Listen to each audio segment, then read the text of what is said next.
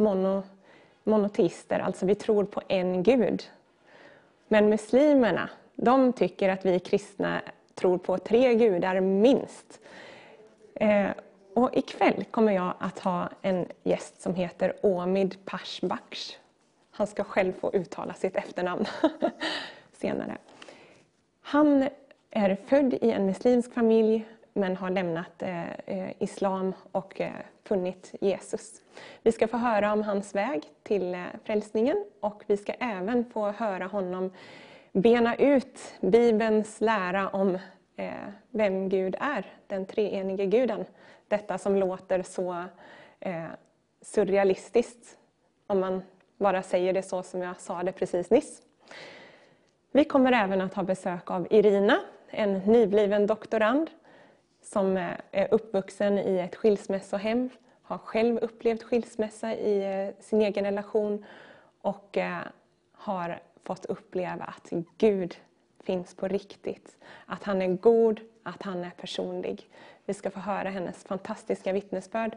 Jag ser verkligen fram emot att få träffa de här härliga, fantastiska människorna här ikväll.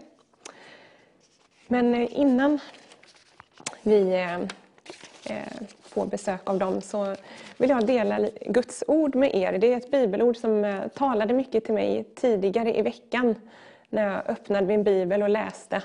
Så jag skulle vilja dela det med er. Det står i Lukas kapitel 12. Det är framförallt ett bibel, eller en vers i det kapitlet som eh, ska vi se, som liksom stod ut och talade extra starkt till mig.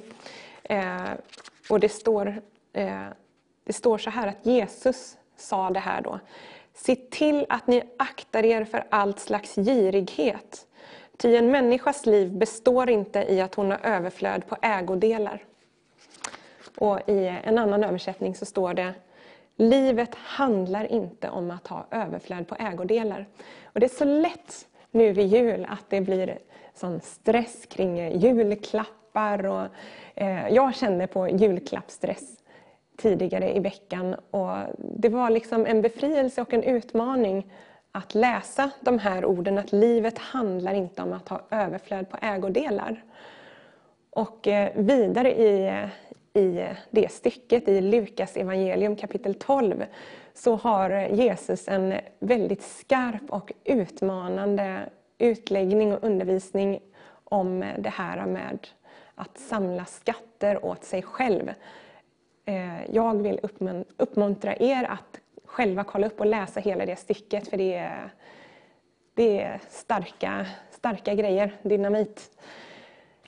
Och nu så vill jag läsa ett annat bibelord som är en motsats till att samla skatter åt sig själv. Och det är i Matteus 25.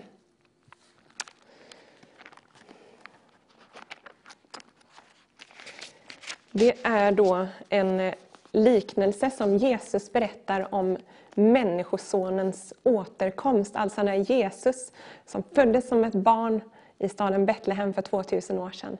Det handlar om när han ska komma tillbaka i härlighet eh, snart. Vem vet när? Då står det alltså så här. Eh, när Människosonen kommer i sin härlighet och alla änglarna med honom, då ska han sätta sig på sin härlighetstron och alla folk ska samlas inför honom. Och han ska skilja dem från varandra, som en herde skiljer fåren från getterna.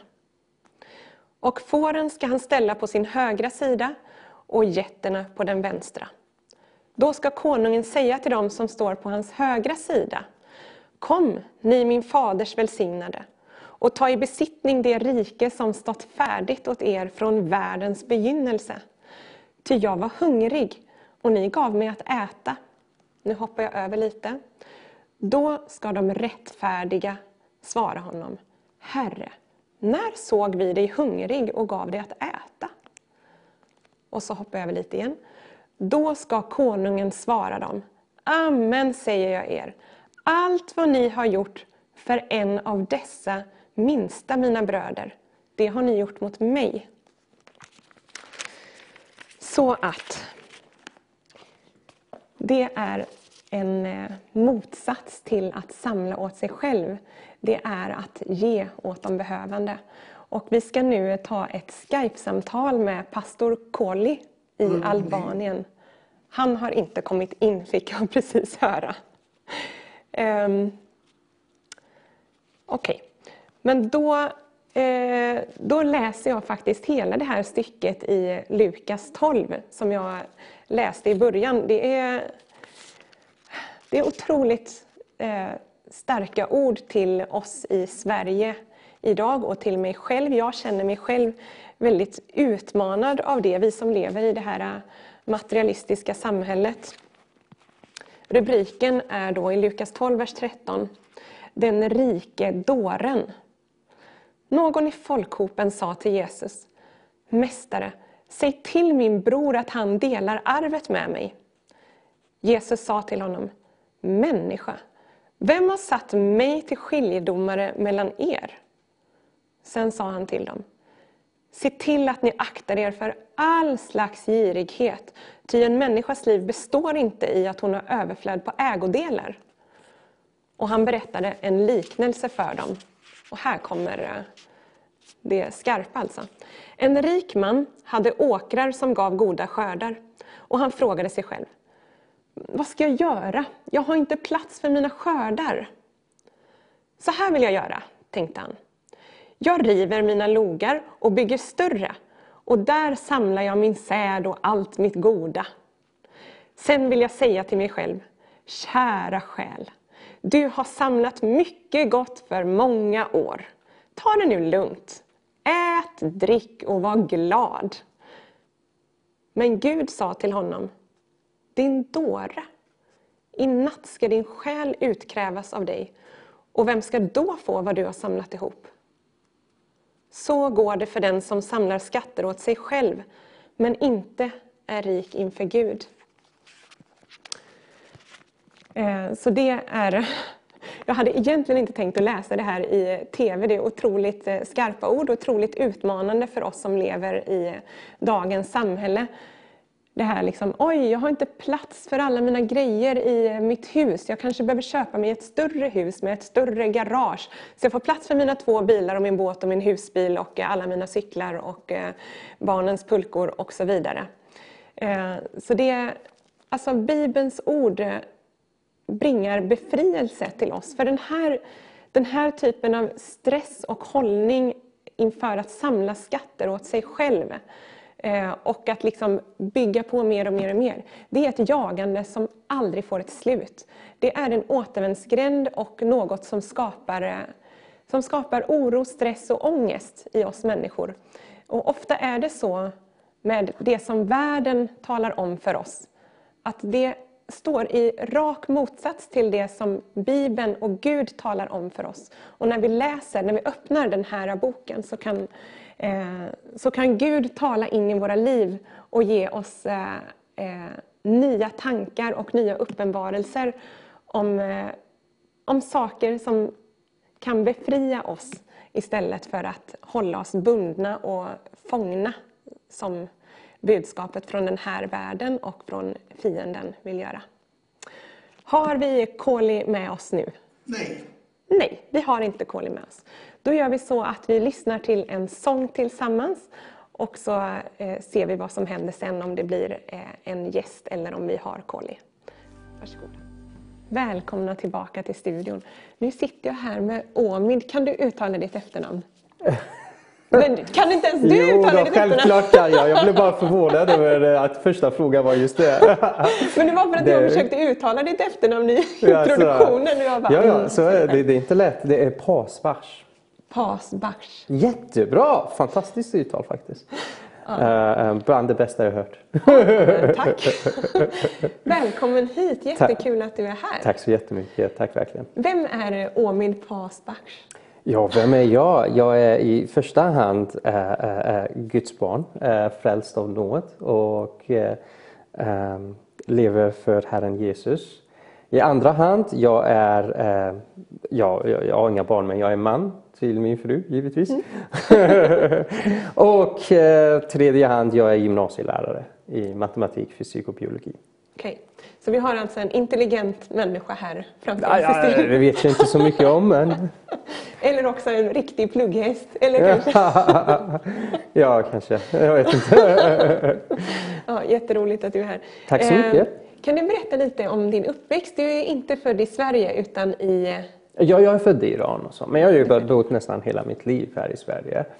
Eh, eh, och när vi kom till Sverige så kom vi först till en flyktingförläggning i Falkenberg och därefter till en liten stad som heter Mariestad. Hur Och- gammal var du då?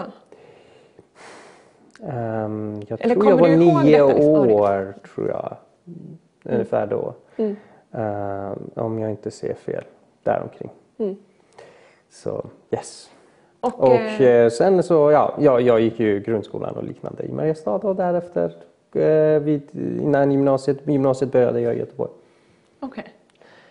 Är du, var dina föräldrar muslimer eller? Mm. Så eh, båda mina föräldrar var muslimer och min far dock var, man kan säga, han var en väldigt from muslim när han bodde i Iran under ett tag men sen så blev han väldigt liberal på grund av att han såg konsekvenserna av vad den islamiska regeringen gjorde till landet. Eh, för att det var ju islamisk revolution och isl- muslimerna, eh, de muslimska prästerna och sånt tog över landet. Och han tyckte inte om eh, resultatet av det. Vad var resultatet då? Eh, Resultatet var ju givetvis betydligt mycket mer förtryck än vad Iran hade under eh, kungens tid, eller shahens tid som man vill säga. Okej. Eh, och det var att bland i synnerhet kvinnor som fick inte klä sig som de vill och man fick inte uttrycka sina åsikter om åsikterna gick emot i etablissemanget. Och eh, eh, i synnerhet väldigt allvarliga bestraffningsmetoder som implementerades då man inte gjorde som ja, regeringen sa helt enkelt. Eh, och allt sådant så ja, fick min far att tänka om helt enkelt. Men, men han lämnade ju aldrig islam utan eh, han, eh, han eh, hade väldigt stor k- kärlek till i synnerhet en Alltså, jag kommer från en shia-bakgrund och mm. shia-muslimerna har 12 stycken imamer. Och, och eh, då är det så att eh, den första Ali eh, var väldigt högt älskad av min far. Och han pratade varje dag om honom och så. så och han, tror, han sa alltid Gud är en och sådana saker. Mm. Okej. Så eh, ja, han eh, blev liberal men lämnade inte kanske de, fundamentala delarna av hans shia-muslimska tro. Och du själv då? Ja, eh, jag började ta islam på allvar efter universitetstiden, eh, eller förlåt mig, efter gymnasiet. Jaha. Eh, ja, ja, ja, ja. Jag gjorde inte så mycket innan annat än att jag åt inte griskött men annars så nej, jag, jag, jag kunde inte säga att jag var muslim bortsett från att jag trodde på Koranen och så.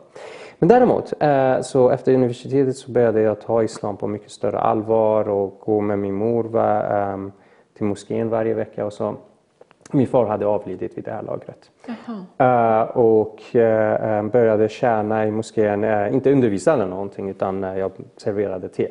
eh, Och sådana saker. Eh, Men engagerade mig i det och så. Och läste Koranen varje kväll och eh, bad varje dag till Allah och eh, fördjupade mig i muslimska skrifterna och så vidare. Och eh, vad hände sen då? Eller för att jag menar, nu är du ju inte muslim Nej. längre så något måste ju ha hänt. Det- Eller det- vad gav det dig i det där, eh, den här religiösa utövandet? Eh, gav det dig någonting eller?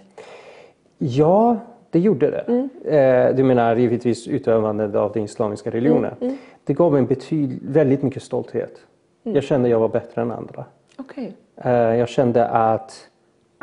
alltså jag såg ner på andra för att de minsann var orena, de minsann var människor som inte följde den rätta vägen och de minsann var eh, i alltså lite mer eh, fundamentalistiska muslimska sammanhang.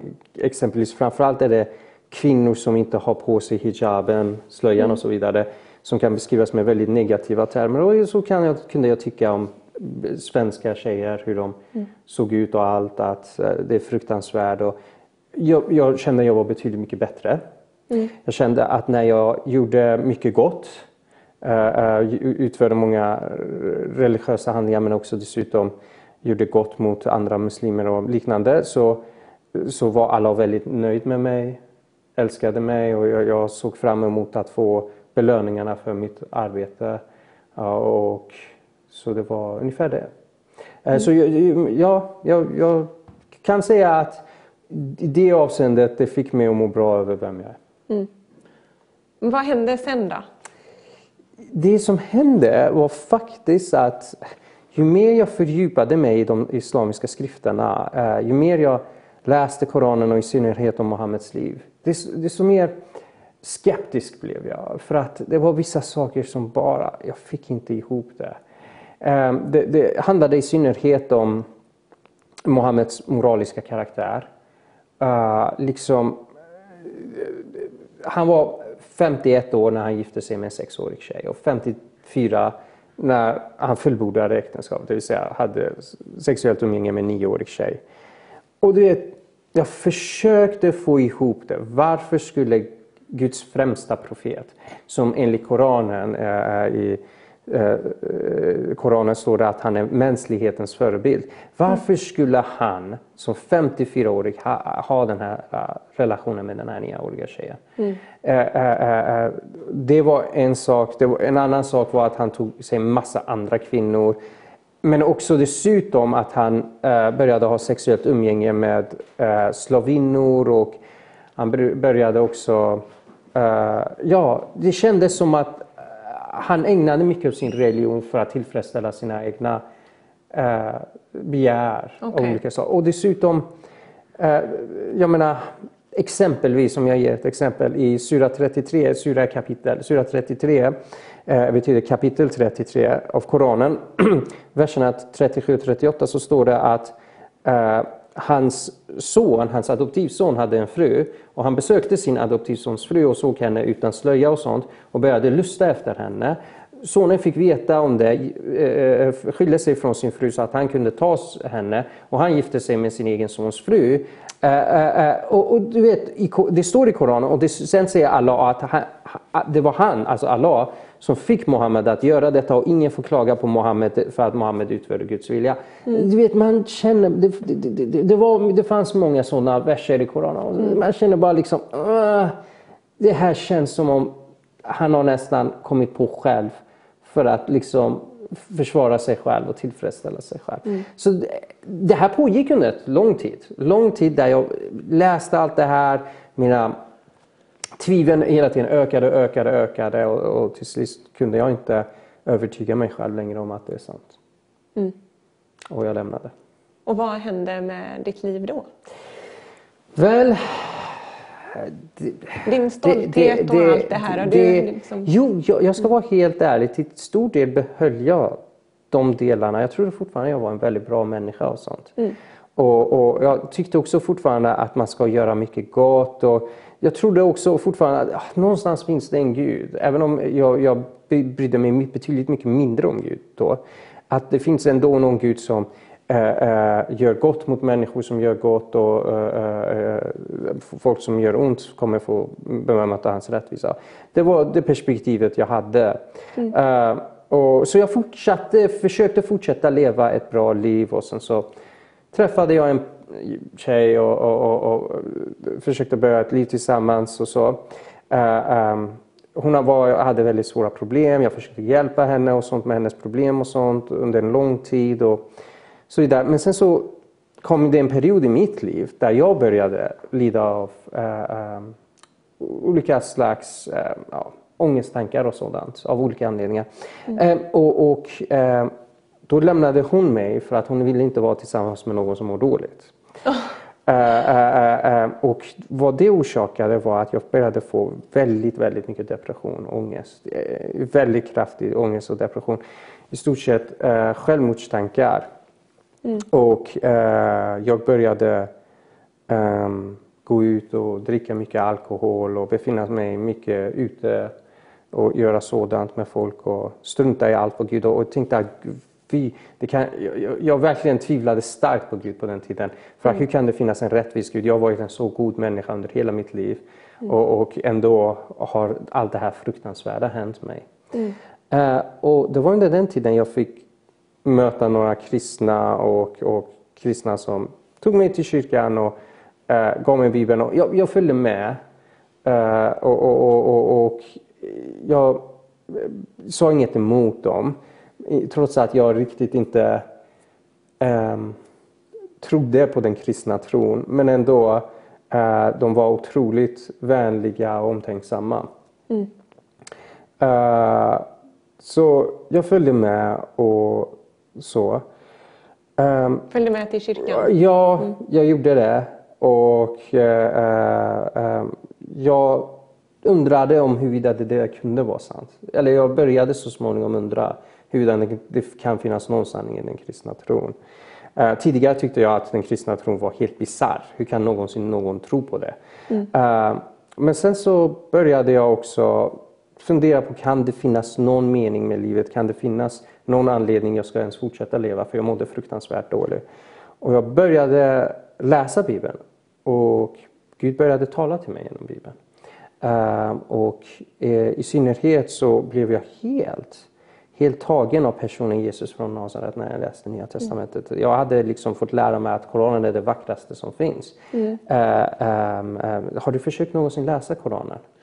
Ja, alltså jag satt i en frisör i Hammarkullen ja.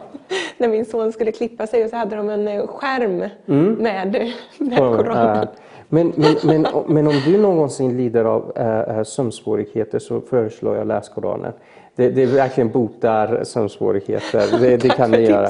Nej, men alltså det är, ingen, det är inte bra skrivet. Det är riktigt eh, dåligt litterärt verk om man säger så, Koranen. Hoppas inga muslimer hör det. Ja, ja, ja, men, men, men, men, men, men för att den hoppar från ett ämne till ett annat och det finns absolut ingen koppling mellan dem och det finns massor av saker som står som inte riktigt, det hänger inte ihop så bra. Mm. Men hur som helst, äh, äh, när jag läste just om personen, från, personen Jesus, alltså det var så underbart, det var så djupt. Det var som att få ett personligt möte med, med Gud själv i den här personen. Mm.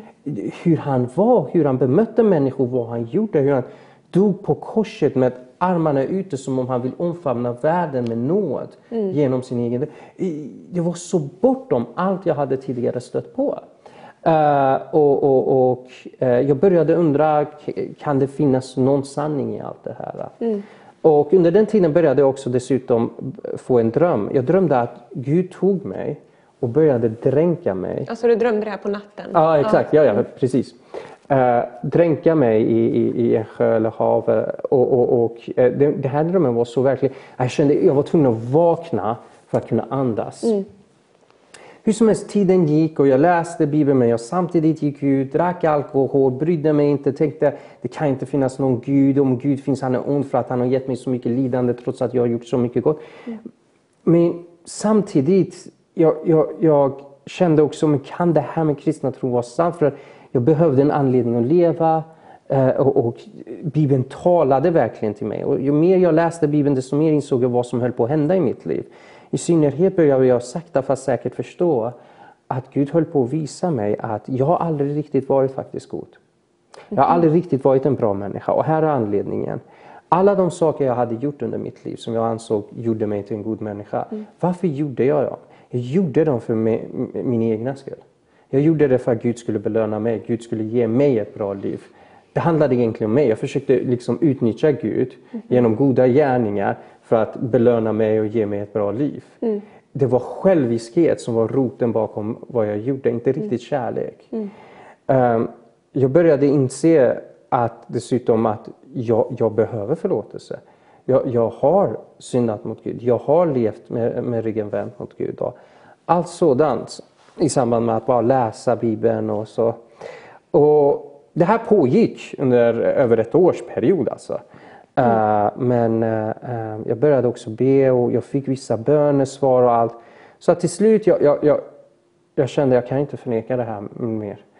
Uh, så en februari kväll för tio år sedan, snart elva år sedan, så gick jag in i min garderob och jag bad till Gud, Gud Oavsett vad som händer mig, jag vill tillhöra dig.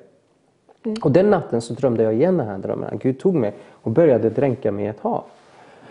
Men den här gången så lät jag Gud dränka mig. Jag gjorde inget motstånd eftersom jag, bad, jag hade bett till Gud att det spelar ingen roll vad som händer mig, jag vill vara din. Och jag kom djupare och djupare in i det här havet och det blev mörkare och mörkare tills jag kom ut på andra sidan. Och det var en solklar himmel och jag hörde en röst från himlen säga, jag vill att du ska födas på nytt. Och när jag vaknade så var alla mina ångestkänslor, allting borta. Och jag var bara uppfylld av en helt ny upplevelse, en helt ny känsla som jag aldrig hade förut. Och det var känslan av att verkligen vara förälskad av Gud. Alltså vara älskad av Gud och vara förälskad i Gud. Och jag började med glädje läsa Bibeln och förstå vad det handlar om och prisa Gud. Och det var sedan dess jag blev kristen. Wow, fantastiskt att höra. Tack så mycket. Tack för att du delade så personligt. Tack så mycket. Vi ska återkomma strax till Omid och han ska få berätta om insikterna som han har fått om eh, den treenige guden som Bibeln beskriver. Men eh, först ska vi lyssna till en sång tillsammans. Välkomna tillbaka. Nu har jag fått bud om att vi har Koli med oss, Colli med oss på tråden från Albanien. Colli, är du där? Där. Ja, hej. Koselig att se dig. Tack, tack i lika måte. Eh, vet du att jag, nej nu blir det att jag pratar norska, vi är på svensk TV, jag ska prata svenska. eh, jag och min familj var på semester i Albanien eh, för förra sommaren. Och vi fick ett väldigt gott intryck av eh, albaner. Att eh, de var ganska fattiga. Det var många som hade en väldigt låg lön eller inget arbete alls. Men alla var så generösa. Alla vi mötte var så gästvänliga och generösa.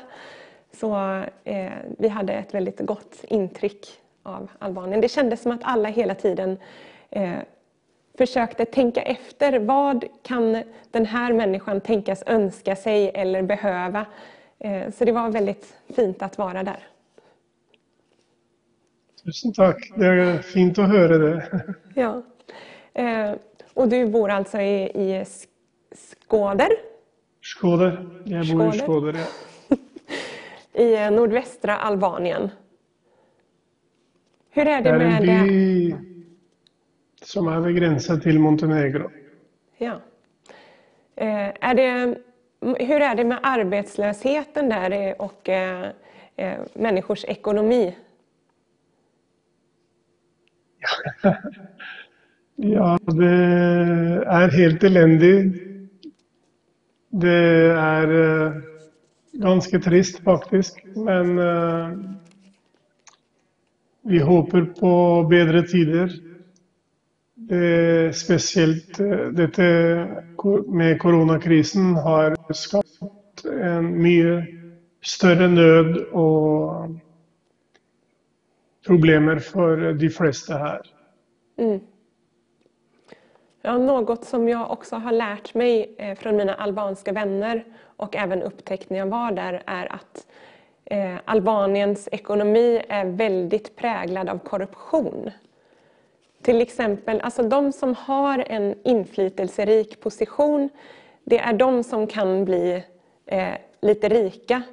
Men de som inte har en inflytelserik position, de behöver bara hela tiden ge pengar till de rika för att få något för att få något överhuvudtaget. Till exempel så berättade eh, min kompis att hennes bror, som är utbildad engelska lärare var tvungen att eh, ge en muta på motsvarande tre månadslöner för att få ett jobb.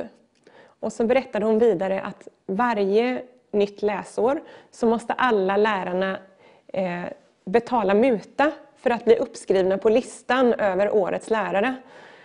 Eh, så det är liksom en sak. Och, och när man ska till läkaren så måste man betala muta för att få något recept eller att eh, få gå före i kön. Är det inte så, eh, Colli?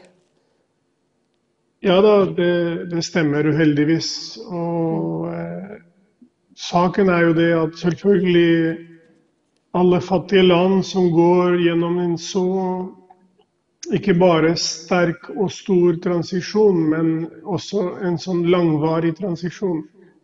Fordi jeg må jo si det at Albania har jo Altså kommunismen falt eh, i 1992. Eller falt og falt. Den, eh, vi, eh, vi la oss om kvelden, kommunister, og våknet opp om morgenen i demokrati. Men problemet er at det er en sånn transisjon som tar aldri slutt.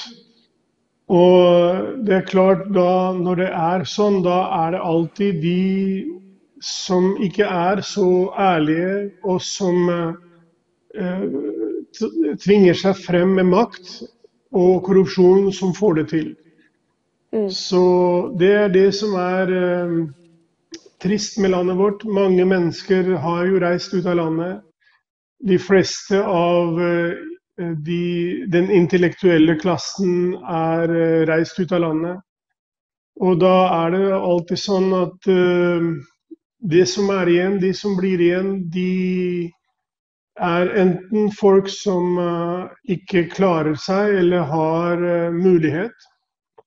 Eller de som da prøver med makt å ta styringen og leve et liv hvor de Eh, prøver å tjene på en urettferdig måte. Vi, eh, jag läste här i inledningen till programmet ifrån Matteus 25 om eh, Människosonens återkomst, när han delar upp alla människor på jorden utifrån får och getter. Och då sa Jesus då, jag var hungrig och ni gav mig att äta. Och då sa de här fåren, när har vi sett dig hungrig och gett dig att äta? Och så sa då eh, konungen Jesus, det som ni har gjort för en av dessa mina minsta, det har ni gjort för mig. Och det här med att eh, ge mat åt de minsta, det är något som vi eh, håller på med i Vision Sverige just nu. Vi har en kampanj tillsammans med dig och din församling, Koli, där vi samlar in matpaket till eh, fattiga familjer i, i din stad. Vill du berätta lite om eh, det här projektet? Absolutt. Eh, dette er andre året på rad som eh, vi har nettopp dette samarbeidet med Visjon Sverige. Og jeg er så glad og takknemlig til Gud for at Eh, vi kan stå samman med dere och dere med oss för att kunna utföra ett så viktigt projekt som detta. Vi har eh, många människor, många familjer, fattiga barn som vi hjälper och stöttar genom hela året. Men eh, speciellt under juletid och påske så prövar vi att ge en extra eh, hjälp med mat till fattiga familjer, till fattiga barn. Och eh, i fjol klarade vi att få in cirka 300 paket. Och det var en stor välsignelse för många människor. I år har vi eh, siktet om att samla in 600 paket och så vitt jag förstår så börjar vi att närma oss målet. Vi är så takknemlig för det. Vi är allerede i gang med å kjøpe inn maten og pakke, og vi har ett stort eh, team från våra ungdomar som allerede idag har jobbat hårt med att packa disse matpakkene som ska delas ut eh, i løpet av de nästa dagarna. Så vi verkligen ser frem till att eh, komma till de fattiga.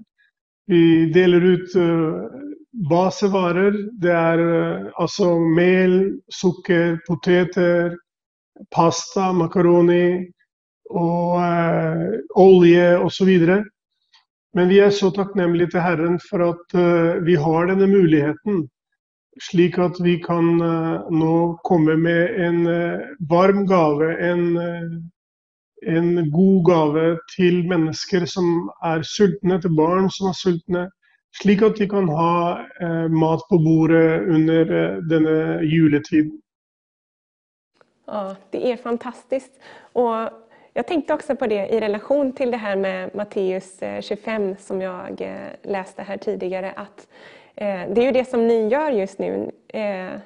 Ni ger den hungrige mat. Och du som tittare kan få vara med och göra detsamma här ikväll. Och det är flera som redan har bidragit. Jag vill tacka så otroligt mycket för era gåvor. Varje matpaket kostar alltså 500 kronor och som jag har förstått så räcker det till mat för en hel familj i en månad. Så eh, ta och tänk på någon annan istället för att samla rikedomar åt dig själv. Som vem vet vad som händer när du dör.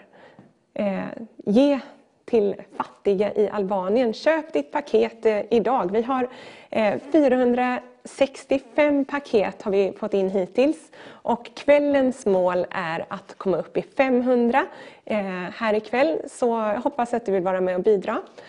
Jag vill passa på att tacka Anita, Gördis och Rolf, Arne och Ines, Maria, Ingrid, Birgitta, Susanne, Per, Sten, Masi, Carmen, Dorotea, Kristina, Arne, Margit, Betel barngrupp i Vrångö, Irene, Greta och Helena som har eh, bidragit eh, igår. Tusen tack för eh, er gåva. Och visst är det fantastiskt att vi på ett så enkelt sätt kan vara med och göra den här, den här goda gärningen för Jesus. För när vi ger den fattige mat så kan vi göra det för Jesus. Så det är fantastiskt. Eh, tusen tack eh, Colly. Vi, eh, jag tror att vi kommer komma tillbaka till dig lite senare i, eh, i programmet. Okay. Mm. En, eh, tusen tack, tack till er. Ja, Gud välsigne er. Gud välsigne dig och er verkligen.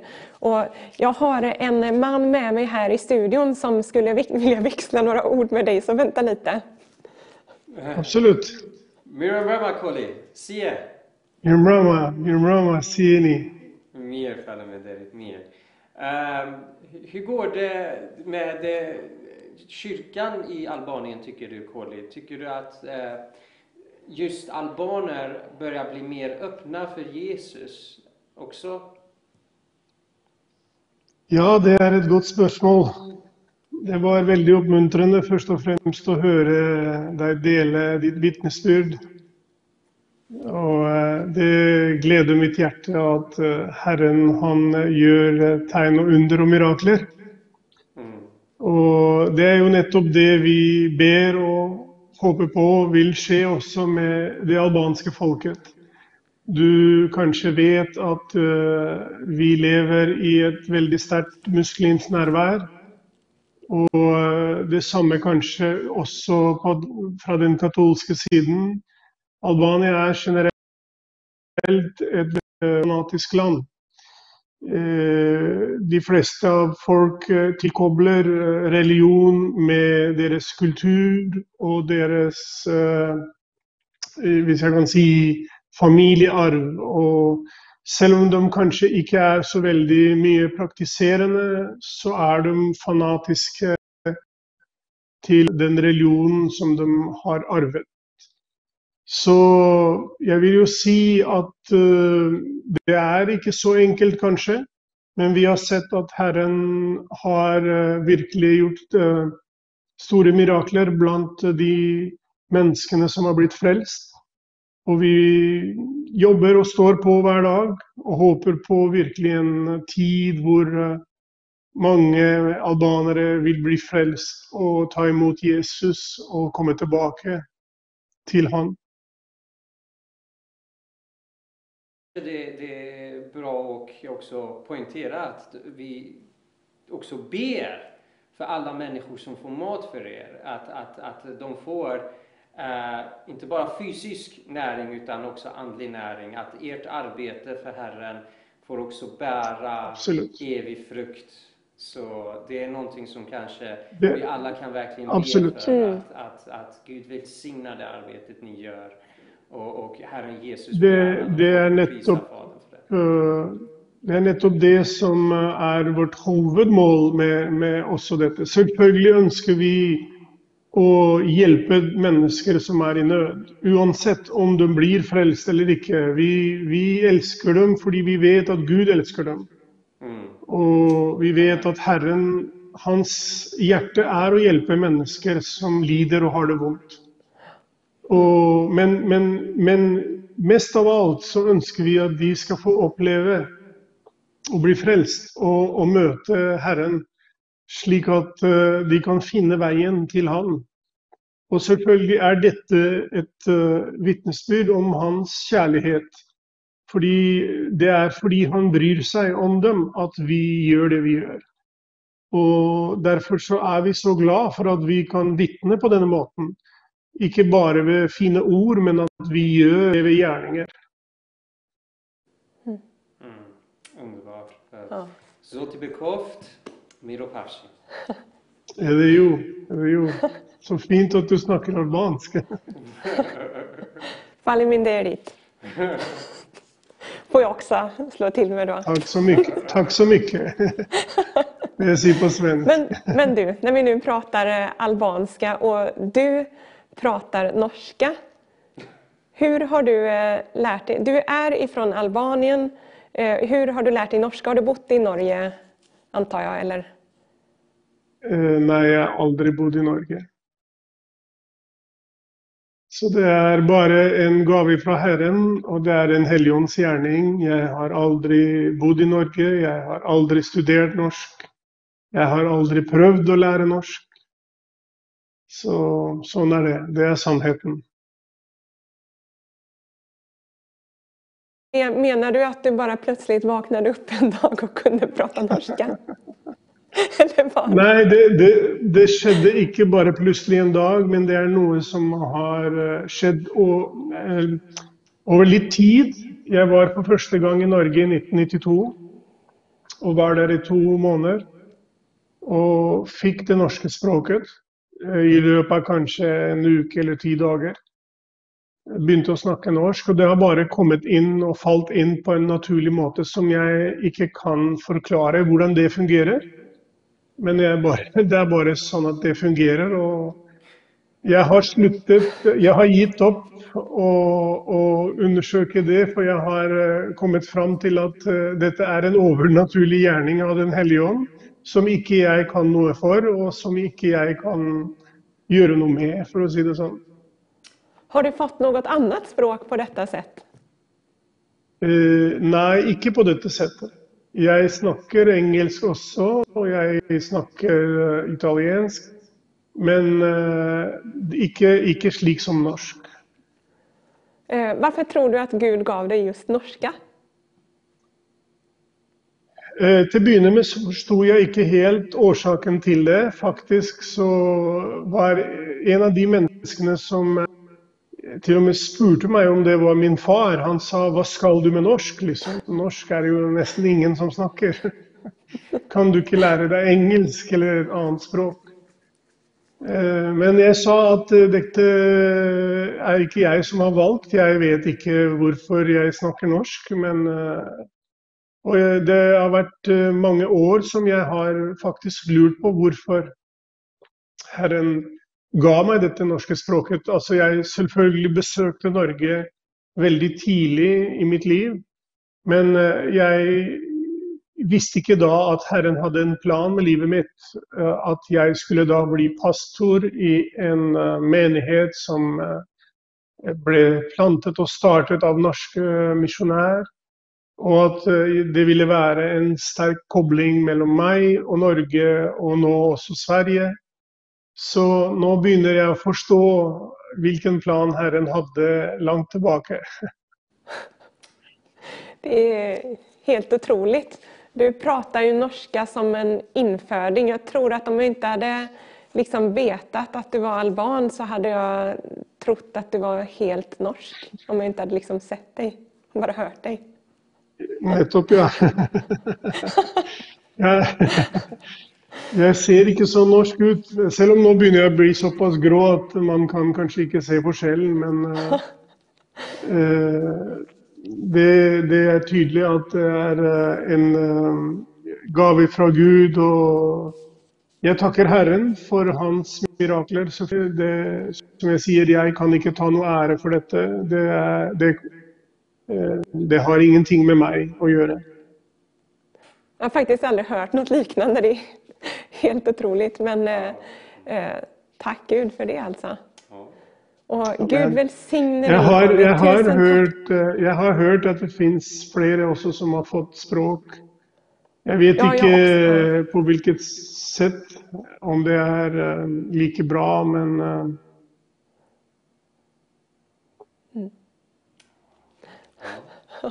Fantastiskt. Ja. Ja, men eh, fall i min därit igen, Colly. till er och Gud välsigne er. Tack, Gud välsigne dig och eh, din församling och det ni håller på med med eh, matutdelning och eh, predikande av de goda nyheterna om Jesus. Amen. Amen. Hej med dig!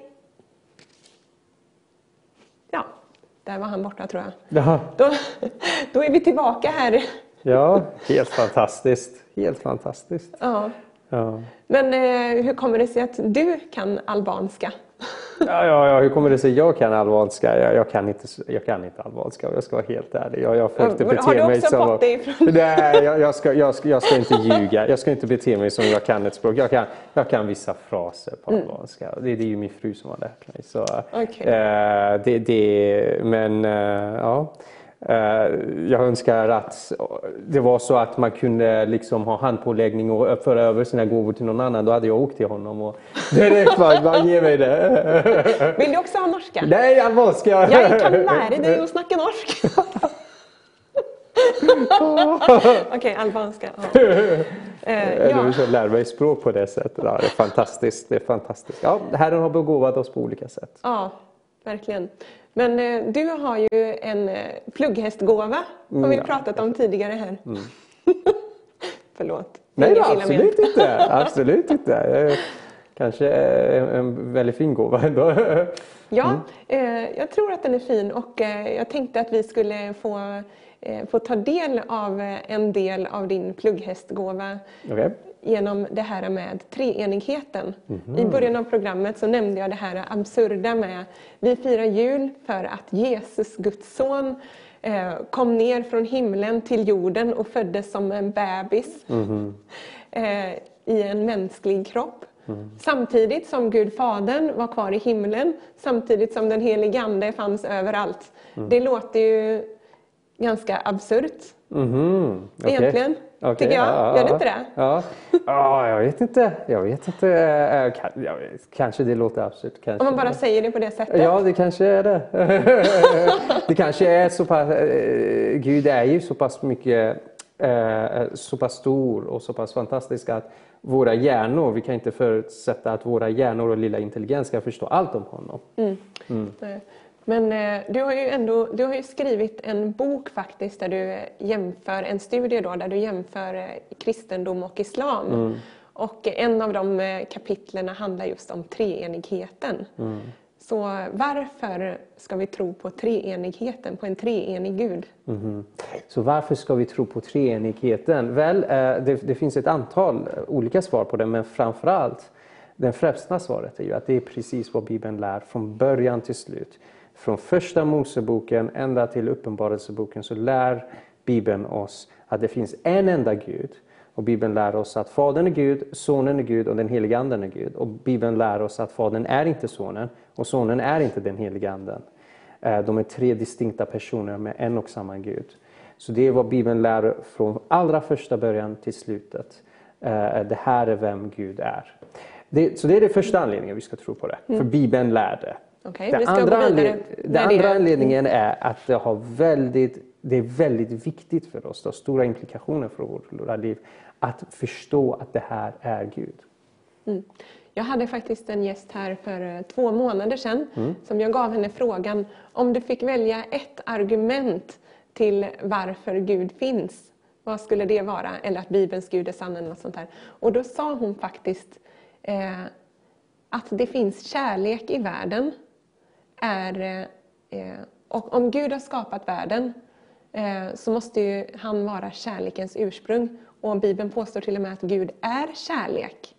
Men om Gud bara är en utan att vara tre i en, hur ska han kunna vara kärlek om det inte finns någon mottagare för kärleken?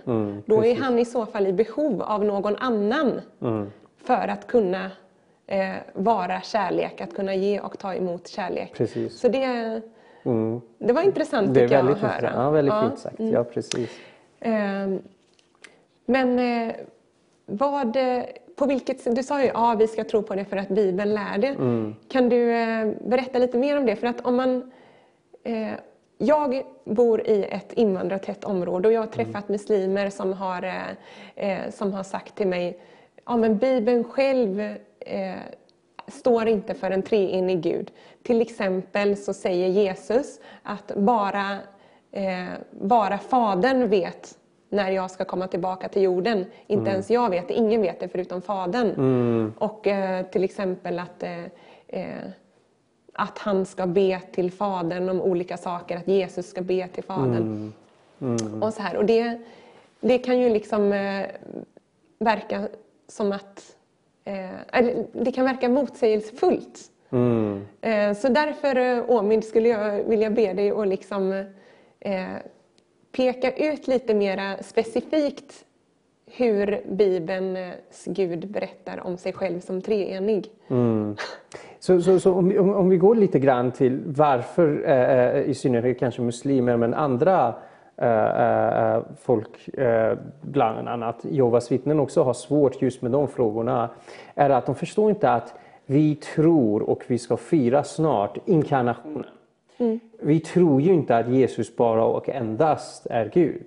Vi tror att han är 100% Gud, men att han tog sig an en mänsklig natur och blev människa, som i Filipperbrevet kapitel 2, vers 6-11 förklarar att eh, även trots att han var i Guds gestalt så höll han inte kvar till det här att vara lika Gud, jämställd med Gud, utan tog sig istället en tjänares gestalt eh, för att födas som människa och kom, komma till jorden och eh, representera mänskligheten och dö för mänskligheten i egenskap av människa.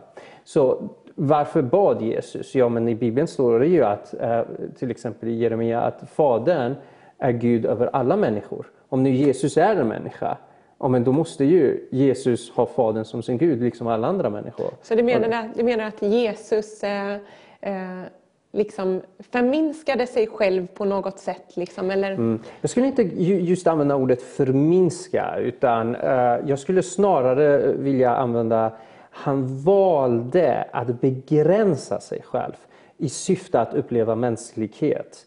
Eh, Så Jesus valde av fri vilja att inte ha tillgång till sina gudomliga privilegier för att kunna uppleva vad det är att vara en människa, för att kunna leva ett hundraprocentigt mänskligt liv. Så eh, det, är ungefär vad Satan försökte göra med honom när Satan frestade honom. Att eh, gör det här stenen till bröd. Gå, sluta vara människa. Gå och eh, ha tillgång till dina gudomliga privilegier vilket gör så att du kan förvandla stenar till bröd och sånt. Eh, eh, men Jesus valde att istället begränsa sig själv. Att inte eh, använda sig av sina gudomliga krafter. Det skulle ungefär vara som om jag skulle nu gå och sätta mig i en bil och köra en bil. Eh, är jag en människa? Ja, det är klart jag är en människa. Att jag har suttit i en bil förvandlar mig inte till någonting annat. Jag är fortfarande en människa. Eh, men kan jag exempelvis spela fotboll medan jag kör bilen? Nej, det kan jag inte. Kan jag äta lunch? Ja, kanske jag kan för, för sig om jag bryter mot några lagar där. Eller så. Men jag, jag, det finns en rad olika saker jag inte kan göra samtidigt som jag kör bil som vilken annan människa som helst kan göra. Men det är just för att jag har valt att köra bilen Mm, så som jag har begränsat mig själv till bilen. Till att du inte kan spela fotboll samtidigt? Exakt. Och Jesus i egenskap av, eh, i syfte att kunna vara en människa, kunna uppleva mänskligt liv, valde att begränsa sig själv. Eh, eh, och därmed så blev han trött, han sov, han, han, han, jag, jag, i egenskap av mattelärare, jag förmodligen kan mer matte än vad Jesus kunde på den tiden. Eh, och, men det är inte på grund, hans okunnighet är inte på grund av att han som Gud inte vet. Det är att han har valt att inte eh, utnyttja sin gudomlighet i syfte för att kunna uppleva mänsklighet. Men eh, tillbaka till din ursprungliga fråga där, liksom, varför överhuvudtaget tror jag på detta? Väl, jag, som tidigare nämnd, Bibeln lär ut det klart och tydligt. Jesus presenterar sig själv om och om igen på ett sätt som inte en människa kan göra. Eh, eh, eh, utan väldigt tydligt att han tar rollen som Israels Gud om man läser evangelierna. De saker han gör, de saker han säger, det sättet han beter sig. Han förlåter synder. Han påstår sig själv vara större än templet i Jerusalem, platsen där Guds närvaro var. Han eh, säger att evigt liv kommer genom att man tror på honom. Att han sätter sig själv i fokus av tron. Att, att, jag menar, hela Bibeln handlar om att vi ska tro på Gud, men han säger det är jag, det är mig ni ska tro på, jag avgör er eh, eh evighet. Han påstår att det är han som kommer tillbaka och dömer världen. Han är världens domare, den som avgör våra eviga liv. Om och om och om igen håller han på att presentera sig själv som något, som något som bara endast Gud är egentligen. Mm. Så, men dessutom så ser vi de här aspekterna av honom. Han blir trött, han sover, han ber till Gud. Och alltså just för att han också dessutom är människa. Och mm. han har valt att vara det. Mm. Mm. Så, ja. Um, ja. Eh, och om man vill veta mer om det här så kanske man kan köpa din bok? Ja, eh, jag, jag, försöker gå in på treenigheten i min bok. Eh, men däremot, eh, jag skulle vilja säga så här. Om man vill veta och förstå treenigheten på djupet, då börjar man med att först fråga sig själv. Vad innebär det att Gud är min fader? Mm. Vad innebär att Jesus, Guds son, är min kung? Och vad innebär det att den heliga Anden är min hjälpare? Mm. Och vad innebär det att de tre är en och samma Gud? Och, och jag ser så för att treenigheten är inte menad att vara någon typ av eh, filosofisk eh, postulat av något slag. Det är menat att vara en verklighet vi lever i. Mm. Och, och det, det, det, kommer ju tillbaks till varför treenigheten är så viktig och varför vi ska tro på treenigheten. Den har enorma implikationer för vårt liv. Så Ta det här bara att Gud är vår fader. Um, vad, vad, vad, var Satans lögn i Eden? Vad var det han sa till Adam och Eva? Han, mm. han i stort sett sa, har Gud verkligen sagt att mm. ni får inte äta mm. av alla träden i lustgården? Vad håller han på med? Han håller på att ifrågasätta Guds godhet. Gud håller på att begränsa er. Gud håller på att ta bort från er möjligheten att njuta av allt. och så. Mm. Gud vill inte ert bästa. Så alltså, det, Satan ifrågasätter framför allting. Det var inte om huruvida Gud existerar. Det var inte huruvida Gud är mäktig. Mm. Det var Guds godhet. Och får Satan oss att tvivla på Guds godhet, då kan Satan få oss att vända oss ifrån Gud och mm. söka efter andra källor för att tillfredsställa våra liv med. Det var det som hände med dig? I eh, islam. Precis, mm. Precis absolut. Och det, det, varje gång en frestelse kommer in i våra liv, då står vi där och måste göra ett beslut. Ska jag tro att den här frestelsen kommer ge mig tillfredsställelse eller ska jag tro på Gud? Att hos Gud har jag en större tillfredsställelse. Mm. Att Gud vill gott för mig. Om vi verkligen, verkligen tror att Gud är god och vill ha vårt bästa och ta hand om oss. Vi kommer kunna säga nej till alla frestelser. Mm. Vi kommer säga nej, jag har något bättre hos Gud. Mm. Jag, jag, kan säga nej till det här. Det här kommer inte hjälpa mig. Det här kommer vara destruktivt. För han vet vad som är bäst för mig. Han kommer ta hand om mig. Och vi kan ge våra liv mer till Gud. För vi vet att han kommer ta hand om oss. Han kommer göra oss gott. Han kommer hjälpa oss. Han kommer svara på våra böner. Och vad är det som får oss att verkligen, verkligen förstå att Gud är god och vi kan lita på honom? Det är när vi betraktar honom som vår fader. Att han är inte bara vår skapare som äger oss, som är allsmäktig. Nej, nej. Han är vår fader. Mm. Och vi är hans barn. Och han är den perfekta fadern. En kärleksfull fader. En fader som tar hand om sina barn. En far som bryr sig om sina barn. En barn som verkligen, verkligen älskar sina barn. Och när vi verkligen förstår att Gud är vår fader, då ger vi våra liv och lever för Gud och njuter av Gud och är tillfredsställda i Gud och gläds i Gud mm. och litar på Gud. Oavsett vilka svårigheter som kommer i våra liv, när vi förstår att Gud är vår far, vi kommer verkligen leva med Gud. Mm. Sen måste vi också förstå att Gud är sonen. Gud är inte bara fadern, Gud är sonen. Och sonen är då Jesus, vår konung. Den som har kommit och, och, och frambringat Guds rike på jorden och dött för våra korsar för att försona oss med Gud. Och, och, och, och när vi ser att Gud i Sonen är vår frälsare och vår konung, eh, eh, en sak vi måste förstå som kristna, Jesus är inte vår fader i himlen. Jesus är kungen, Messias, sonen som regerar över oss. Men vem, vad är det här för kung? Vad är det här för kung som ska regera över oss? För vi är vana vid diktatorer och fruktansvärda kungar. Det här är den kungen som gick till korset. Det här är den kungen som levde ett fattigt liv för att han älskar oss. Det här är en kung som gav sitt liv till oss istället för att utnyttja oss för sitt egna ändamål. Han är den som blev en tjänare. Den här kungen litar jag på. Den här kungen vill jag att han ska vara min herde. Det här är kungen som jag vill tjäna med hela mitt liv. Det här är den kungen jag vill likna. Men sen måste vi förstå att Gud är den heliga anden. Och vad är med den heliga anden? Den heliga anden är den som besannar alla sanningar som finns i Bibeln in, i våra liv. Den som besannar frälsningen i våra liv. Den som besannar Guds närvaro i våra liv. Den som besannar Guds kraft i våra liv. Den, den som gör så att när vi läser Bibeln, det är inte bara information vi får, vi förändras. Mm. Vi, vi, vi, vi, vi, håller inte på att bara göra dokt, lära oss doktriner och teologiska studier. Det är en verklighet vi håller på att delta i. Han mm. drar oss in i den här verkligheten. Han besannar relationen med Fadern och Sonen. Eh, han är vår hjälpare. Vi är inte ensamma. Han finns i oss. Han verkar kraftigt i oss. Vi har gudomligt liv och gudomlig kraft i oss som är mäktig att göra stora ting. Och när vi ser då att Gud är Fadern, Sonen, den helige Anden och har relation med alla de här tre personerna. Inse att de är en Gud för de gör allting tillsammans i perfekt enhet som en enda Gud.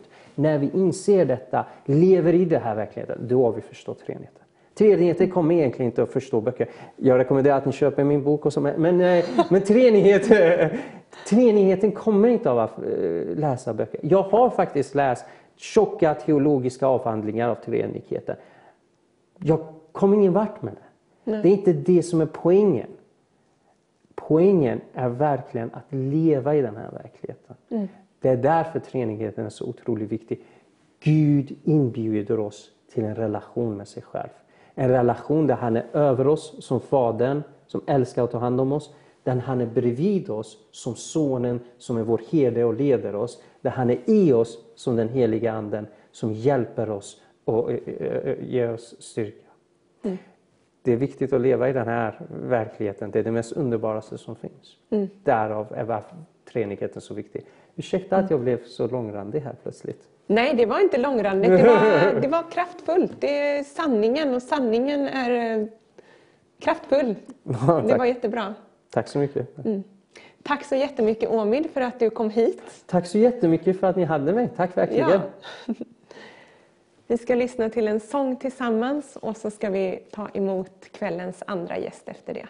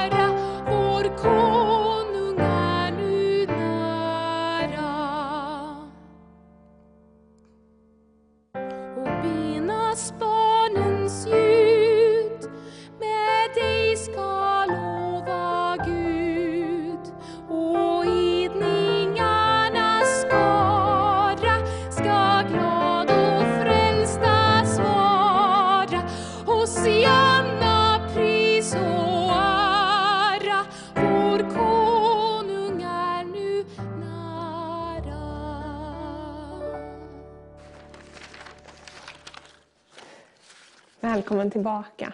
Vår konung är nu nära. Gläd dig, du Kristi brud. Så med de orden fortsätter vi. Vi har, också, vi har pratat om att Gud är, han är inte bara någon Gud som existerar och som eh, man kan tro att han finns, liksom, utan eh, han är en Gud som är nära. Och han är en far som älskar sina barn. Nu sitter jag här i studion tillsammans med Irina Midenfjord. Det namnet var lättare att uttala. Du har övat på det en del också. Precis, för vi gick i gymnasiet tillsammans. Ja, på mm. Ellen Engströms gymnasium i Göteborg. Mm, precis. Men vi har inte umgått så mycket sedan dess. Nej, livet kom emellan. Livet kom emellan, ja. precis. Eh, så vem är du, Irina? Eh, ja, jag är en göteborgare. Det kanske inte hörs, men jag är född och uppvuxen i Göteborg. Jag är 37 år gammal och eh, bor i Skepplanda som är en liten, liten by mittemellan Göteborg och Trollhättan. Mm. Och du har precis gjort en avhandling. Ja, den är sänd till tryckeriet just nu. Jag ska disputera i februari. Eh, och eh, det handlar om Irritable Bowel Syndrome eller IBS, alltså kolon, kolon irritabile, mm. mag och tarmproblem. Mm. Som man inte riktigt vet orsaken till, men det är många, många som lider av det. Vad, har du, eh, vad är din frågeställning eller din tes eller resultat? Eller liksom, vill du nämna något kort om det? ja, jag har forskat, man kan säga gjort en grundforskning, alltså bara tagit reda på hur vilka saker har kopplingar med varandra i en IBS-patient? Alltså, de har ju ont i magen, men vad beror det på? Vad ser man för småfel liksom, i olika delar av kroppen? Eh, och jag har inriktat mig på vad som försiggår i liksom ångest och depressionsproblematik eh, och olika eh, slags mätvärden på hur det icke viljestyrda nervsystemet fungerar. Eh, och ser liksom kopplingar till mag och tarmsymptom.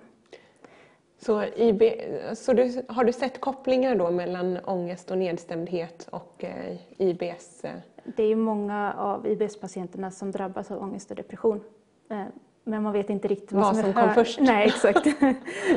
och det kan jag heller inte bevisa eh, just med min avhandling, men det finns forskning som pågår på det också. Mm. Spännande. Mm. Men det är inte därför du är här, Nej. för du ska disputera i februari. exakt. Eh, är det en, ah, Okej, okay, det är corona. Jag tänkte fråga, är det en öppen disputation ifall det är någon som är intresserad av att veta eh, mer? Jo, men det är det, fast eh, man får inte komma till lokalen utan eh, det kommer finnas länkar och det här disputationen är alltid öppna för allmänheten. Så alla, mm. vem som helst eh, som tittar på TV idag kan få tillgång till denna länk eh, och vara med och titta på när jag ska försvara min avhandling. Hur, eh, hur hittar man den då? Göteborgs universitets hemsida. Okej, okay, och så söker man så på Irina på Midenfjord. Yes. Mm. Ja, spännande. Mm. Ja. ja. lycka till med det Tack så mycket. i framtiden. Eh, men eh, kan du berätta lite mer om din uppväxt och din bakgrund? Ja, eh, som sagt var uppvuxen i Göteborg eh, tillsammans med mamma och min eh, yngre syster. Eh, inte uppvuxen i ett kristet sammanhang, men jag valde ändå att börja gå på LM Engströms gymnasium som är ett kristet gymnasium. Mm. och eh, väl där så upptäckte jag att det var några som, det var något märkligt med dem, de liksom sken på något sätt. Eh, och jag blev lite nyfiken och ta reda på vad alltså är det här att de kristna liksom sken? Eller? Ja, men jag visste inte vad det var först. Nej. Men det var det vissa människor som bara ja. sken? Liksom? Ja. Mm. Eh, mm. Och jag ville åt det där. Liksom. Så jag började fråga mig omkring eh, och pratade särskilt med en eh, klasskamrat. Hon menade att det var nog Jesus som var det där speciella med henne. Och då för tiden så höll jag på med tibetansk buddhism och provade på astrala resor. Det var mycket new age liksom. Som, som jag gjorde i, lite grann i, i, inte gömsle, men alltså folk visste inte om det. Mm. De bara testade på, det lät ju spännande det där med andligt liksom. Mm. Eh, men att lysa som den här tjejen gjorde var ju, ja, men det var ju ännu mer intressant. Eh, Tror du att du liksom såg det lättare för att du eh, var inne i det andliga på något sätt? Eller? Ja, jag försökte ju mig på att se auror ganska länge. Liksom. Okay. Så jag kan tänka mig att det var, det var någonting åt det hållet. Liksom. Mm. Men ändå inte samma sak. Um, nej. Men, så, så hon sa att det var Jesus och jag var Jaha, men hur får man tag på honom då? Lite naivt liksom. och hon sa, ja men börja läsa Bibeln, börja be, alltså prata med Gud. Ge det sex månader, gå till kyrkan. Alltså, ja, men vi, vi kan ses och träffas och prata. Liksom. Mm. Eh, så jag gav eh, Gud, Jesus, eh, sex månader av min tid där i början på gymnasiet. Ehm, och efter fem månader så var det ett nyårsläger vid millennieskiftet i Credos regi, som är Svenska kyrkan ungefär. Mm. Och då tog jag med min lilla syster dit. Mm. Ehm, och där så fick jag uppleva Guds kärlek. Ehm, och eftersom jag var på ett kristet läger och det var liksom Guds kärlek jag upplevde, så måste det vara Jesus som Gud som är bakom det här. Så då började jag tro på Jesus istället. istället för att vara tibetansk buddhist. Okay. Ja. Men eh, hur, du säger att du upplevde Guds kärlek. Mm. Kan du beskriva lite mer om, om det? Ja, eh, fast det är väldigt svårt att sätta i ord. Um, det var bara en i min egen ålder, jag var nog 16 år vid det laget, eh, som i ett seminarium, alltså ett litet rum, 30-40 tjejer som skulle samlas och, och eh, höra en predikan. Så var det en tjej som läste upp ett bibelord som liksom helt plötsligt kom till liv. Eh, jag hade läst det förut. Eh, Jesus hade uppstått och gick runt i trädgården i Getsemane och eh, Maria trodde att det var trädgårdsmästaren och frågade liksom, har du sett min mästare? Och sen så svarar Jesus med Maria, som det står i den svenska versionen, men i grundspråket så är det en mer kärleksfull beteckning på Maria. En liksom intim, en kärleksförklaring med i ordet som han mm. säger till henne och hennes ögon öppnas. Och när, jag, när hon, den här unga tjejen läste upp det för mig så blev det som att det var mitt liv det handlade om. Att Jesus sa så till mig Mm. Och jag bara satt där och grät och grät och grät. Sprang till toaletten, hämtade näsdukar och grät och grät. För jag hade liksom förstått det på sätt och vis. Och, mm. och det kom i uttryck i tårar den gången. Mm. Ehm, det var som något varmt som bara omslöt mig. Helt enkelt. Ja. Där kommer den helige Ande in som, eh, som eh, Åmid berättade om. Mm. Som liksom befäster sanningen mm. i hjärtat. Mm. Och gör så att vi kan förstå det och ta emot det. Liksom. Mm. Mm. Ja, och sen var livet frid och fröjd förstår jag. Ja. jag vet Nej, det, att det, inte var det. det. Det blev liksom lite annorlunda när man um, skulle stå upp för någonting som man var helt ny i. Jag ville ju liksom stå upp för min nyfunna tro. Eh, och ville också ta reda på mer om Jesus. Så det blev lite krockar med vänner men eh, jag fick ju fina tillfällen att förklara vad det var jag trodde på fastän det fortfarande var så grönt. Liksom. Mm. ja, men eh, sen så jag var med i Vineyard på den tiden och efter några år, jag var med på credoläger och oasläger också, Svenska kyrkans sammanhang, Ehm, och var ungdomshusgruppsledare i Vinjard och gruppledare på de här sommar och vinterlägren. Ehm, det var fantastiskt roligt och där fick jag också växa mm. i både att liksom läsa Bibeln och att få en daglig rutin eh, med att umgås med Gud och att höra Guds röst och, liksom, ja, och tjänstgöra med honom. Mm.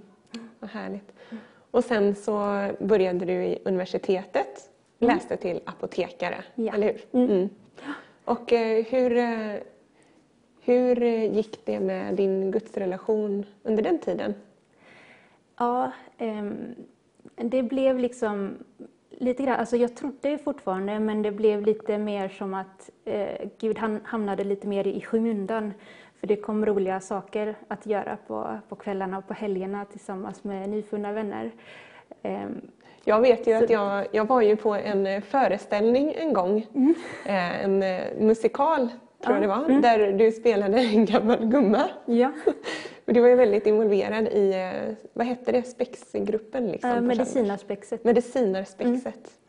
Ja, det var väldigt roliga år, jag var skådespelerska två av åren. Ja. Och sydde scenkostymer många år. Ja. Det, var, det var jättekul. Eh, och då träffade jag också min eh, blivande make då, mm. eller barnens pappa. Eh, mm. Och som sagt var, Gud hamnade lite i skymundan, livet öste på. Vi skaffade familj, tyvärr så gick det inte så bra utan det, det ändade i en skilsmässa för mm. två dryga år sedan. Mm. Och då hade jag verkligen, jag trodde fortfarande på Gud men jag hade inte rört Bibeln på flera år säkert. Mm. Mm. Och pratade liksom inte, höll inte uppe konversationen som jag och Gud hade haft tidigare. Mm. Um, men det, det, ändrades ju mm. sen. Jag tänker att vi, eh, vi låter den hänga i luften en stund och eh, så lyssnar vi till en sång tillsammans. Jag sitter här tillsammans med Irina Midenfjord. Hon har berättat att hon kom till tro i gymnasiet och fick uppleva Guds kärlek. Sen började hon i universitetet och mer spännande och roliga saker hände, tyckte hon. Och eh, det dröjde allt längre mellan gångerna hon läste Bibeln och hon eh, gifte sig. De levde tyvärr inte lyckliga i alla sina dagar utan det slutade med skilsmässa. Och då hade hon inte pratat med Gud och inte öppnat Bibeln på flera år. Men sen ändrades det. Det var där vi slutade. Så vad hände då? Ja, eh, i och med skilsmässoprocessen så tänkte jag att jo, men jag har glömt av Gud. Jag kom på det, liksom en tanke flög förbi. Eh, jag ska nog ta tag i det sen, sen när jag har flyttat isär och eh, liksom livet har stabiliserats lite. Hitta en församling och ja, men hitta lite nytt sammanhang, kristna vänner, börja det här kristna, kristna livet igen. Mm. Eh, och eh, tiden gick, jag flyttade till Skepplanda eh, och saker kom emellan, som det gärna mm. gör. Liksom. Mm. Eh, så månaderna gick, men tanken fanns fortfarande kvar. Liksom, jag, jag vill nog bli mer aktiv i, i troningen, liksom, hitta en församling. Skickade sms till några gamla polare från gymnasietiden. Var, vilken, vilken församling rekommenderar ni? Eh, och alla sa testa Furulund. Okej, okay, ja, visst, alla säger samma sak. Visst, det, det kan vi testa. Eh, men så kom det saker och ting emellan igen. Då. Mm -hmm. men för nästan två år sedan, en helg, januari-februari-skiftet 2018, så hade jag liksom en ensam helg. Jag hade inte hand om mina barn då. Jag satt i ett ensamt hus i Skepplanda och hade inte lyckats boka upp no någonting på hela helgen. Inga kompisar, inget roligt att göra inne i Göteborg eller någonting. Eh, så jag, jag kände mig helt misärig. Liksom, vad, vad ska jag hitta på en hel helg? Eh, tänkte jag, jag håller på med lite syprojekt, ja men jag tar fram saxen, klipper till lite, men någon, någonting mer måste jag ha för att skingra mina tankar. Jag kan inte sitta här och må så dåligt liksom, över min egen ensamhet. Eh, och då kom det som en tanke till mig som lät ungefär som när jag själv tänker eh, i huvudet. Liksom. Mm. Eh, att jag skulle se på en predikan. Jag bara, konstig tanke. eh, ja, men jag har inte varit med i den svängen på ett bra tag så jag känner inte till några predikanter. Eh, så kommer samma liksom, röst, eh, Catherine Kuhlman. Jag bara, ja, där är åtminstone ett namn jag känner igen från när jag eh, var nyfrälst hon är helande evangelist som bodde i USA på 70-talet och då hade jag hört hennes namn nämnas. Liksom. Hade du hört någon predikan av henne förut? Nej, nej ingenting. Okay. Jag, jag hade bara hört henne nämnas liksom, som en inspirationskälla för många. Mm. Eh, och då tog jag fram min lilla mobil, Youtube. Ja men titta, finns ju något i Technicolor från 70-talet i USA. Klick! Satte på det på den lilla tv-skärmen hemma och det var inte många minuter in i den helande gudstjänsten där jag fick se liksom människor resa sig ur rullstolar, folk med liksom svåra krämpor och sneda ryggar stå och dansa. Och det var under på under på under som skedde. Eh, och jag blev så drabbad av det här och tänkte att Gud finns, han helar, och varför har jag missat det här? Jag kommer ihåg att det var de tre tankarna som liksom verkligen for i huvudet på mig. Eh, och där och då rent chockad över liksom Guds helande förmåga och hans storhet och makt, så sa jag rätt ut i tomma luften i, i mitt vardagsrum, hemma ensam, jag, bara jag och katterna hemma. Liksom. Gud, mitt liv är trasigt. Jag ger dig allt. Du får allt den här gången, helt hämningslöst. Alltså, ta och gör vad du vill med det. Och sen den dagen så har livet ändrats kan man lugnt säga. Eh, den, den gudsbild som jag hade innan var ändå, trots att jag visste att Gud var god och jag hade drabbats av hans kärlek, så visste jag att eh, han var nog ändå lite arg på mig. Han var nog lite besviken. Eh, det, det, var liksom någonting som hela tiden gnagde. Alltså, Gud är ju ute efter mig för att sätta dit mig. Eh, mm. Det var det, så jag tänkte att Gud var. Eh, och det byggde ju liksom ingen tillit eller förtroende till honom liksom i mitt liv. Mm. Men ändå så valde jag, konstigt nog, liksom att ge ut allt till honom och bara säga du får allt den här gången. Mm. Inga hämningar. Vad trodde du skulle hända då? Trodde du att han skulle liksom sätta dit dig på något sätt? Eller? Alltså det, tanken fanns med i beräkningen. Ja. Att ja, men mitt liv är så trasigt, det är liksom inte värt något. Så åtminstone blir det nog en smula mer spännande hur den kommer att bli. Liksom. Mm. Eh, men eh, ganska så raskt så fick jag också liksom känna av Guds närvaro och kärlek. Eh, och den bilden av att Gud var nog ändå lite jobbig, lite svår att ha handskas med, liksom, byttes ut till så småningom liksom, att han är god och bara god. Mm. Jag vet inte riktigt hur det skedde, liksom, men det gick över tid. Men eh, vad hände resten av den här ensamma helgen då? För det här var i början av helgen? Det här eller? var på fredag. Mm. Eh, direkt efter att jag hade gett mitt liv fullständigt igen så eh, var det ungefär som att den helige Ande kom på besök hemma hos mig. eh, han sa inte särskilt mycket och det var inte så där att det, det uppenbarades en person i mitt rum, men det, det var som en tryckvåg. om ni skulle vara på en konsert, ni vet basgången, boom, boom. Eh, som att det skulle vara en sån våg, fast förlåt mikrofonen, fast som trycker liksom mot kroppen hela tiden på ett väldigt behagligt sätt. Eh, och det kom en sån frid över mig som jag inte hade känt. Alltså, ni får komma ihåg att jag var misärig. jag kan inte klassa det som depression för att det är en diagnos, eh, men jag hade mörka tankar, liksom. jag var väldigt nedstämd. Eh, mycket ångest eh, över min situation och annat också. Liksom. Och helt plötsligt så vändes allt liksom, i frid och i kärlek och i det här liksom, närvaron som jag inte riktigt kan förklara. Ehm, och eh, jag reagerade kroppsligt sett på, på Guds närvaro också genom att börja skaka. Men jag fann väldigt stor frid i det, för det var liksom som ett synligt tecken på att han faktiskt var där. Jag fick liksom både känna det och förstå det och eh, liksom, ja, fysiskt också liksom skaka i hans närvaro. Det blev så tydligt då att det var han som mm. var där. Eh, och han startade upp processer som, som jag inte var medveten om då. Det enda jag var medveten om var att Gud finns, han helar och nu så är jag hans. Liksom. Mm. Nu får han göra vad han vill. Mm. Eh, och eh, det, det, var liksom fyra intensiva dagar i Guds närvaro där det liksom aldrig släppte.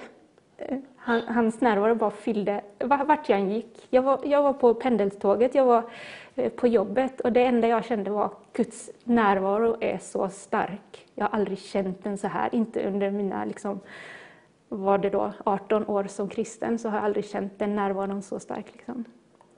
Eh, och efter två veckor när jag liksom började se tillbaka på de här fyra dygnen och vad, vad är det som egentligen har hänt och jag har bara gått omkring och tackat Jesus för korset liksom, på, på repeat bara för att du, det var det som bubblade upp inom mig, inte för att det, det var någonting på utan bara, oh, men jag är så tacksam, tack Jesus för korset, tack för vad du har gjort, du har frälst mig, du har räddat mig. Eh, och den, ja, den närvaron, den kärleken liksom. Så började jag titta tillbaka då två veckor senare, vad, vad är det egentligen som har hänt? För någonting är annorlunda med mig nu efter det här väldigt starka fyra dygns gudsmötet. Gick du runt och skakade hela tiden eller? Mm. Föra på pendeltåget och allt vad ja. det var? Det, det var rätt jobbigt att åka, åka till jobbet på måndagen. Skakade du på jobbet också? Ja, fast, fast väldigt diskret. Så jag visste inte hur mycket som... Alltså, vi sitter liksom fyra personer i ett rum på rad och så sitter jag där och bara... Irina, har du druckit för mycket kaffe idag? typ lite så. Men det var ingen som sa något. Jag började liksom slappna av efter måndagen och bara, "Ja, ingen ser nog. Vad skönt. Men Då kan du väl få fortsätta då.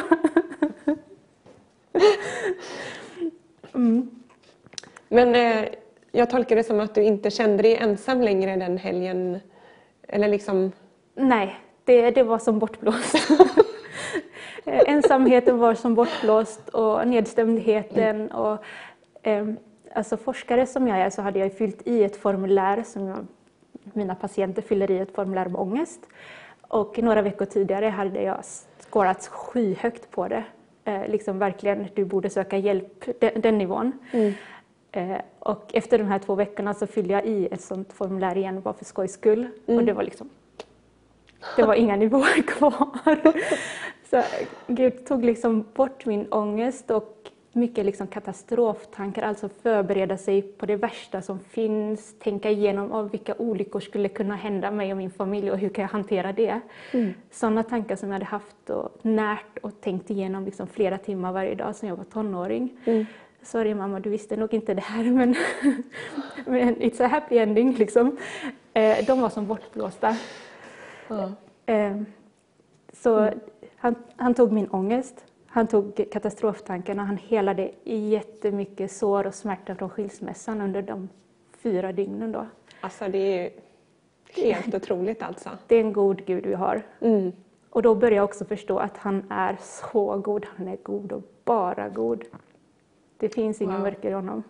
Men du nämnde att du bara började tacka Jesus för korset. Kan inte du berätta för, för de som tittar här vad, vad korset innebär? Liksom? Eh, Att Jesus valde att dö för våra synder, alltså allt det dumma vi gör mot varandra eh, och allt det som hindrar oss från att eh, nå till Gud eller kommunicera med honom. Han tog det på korset, han dog för det.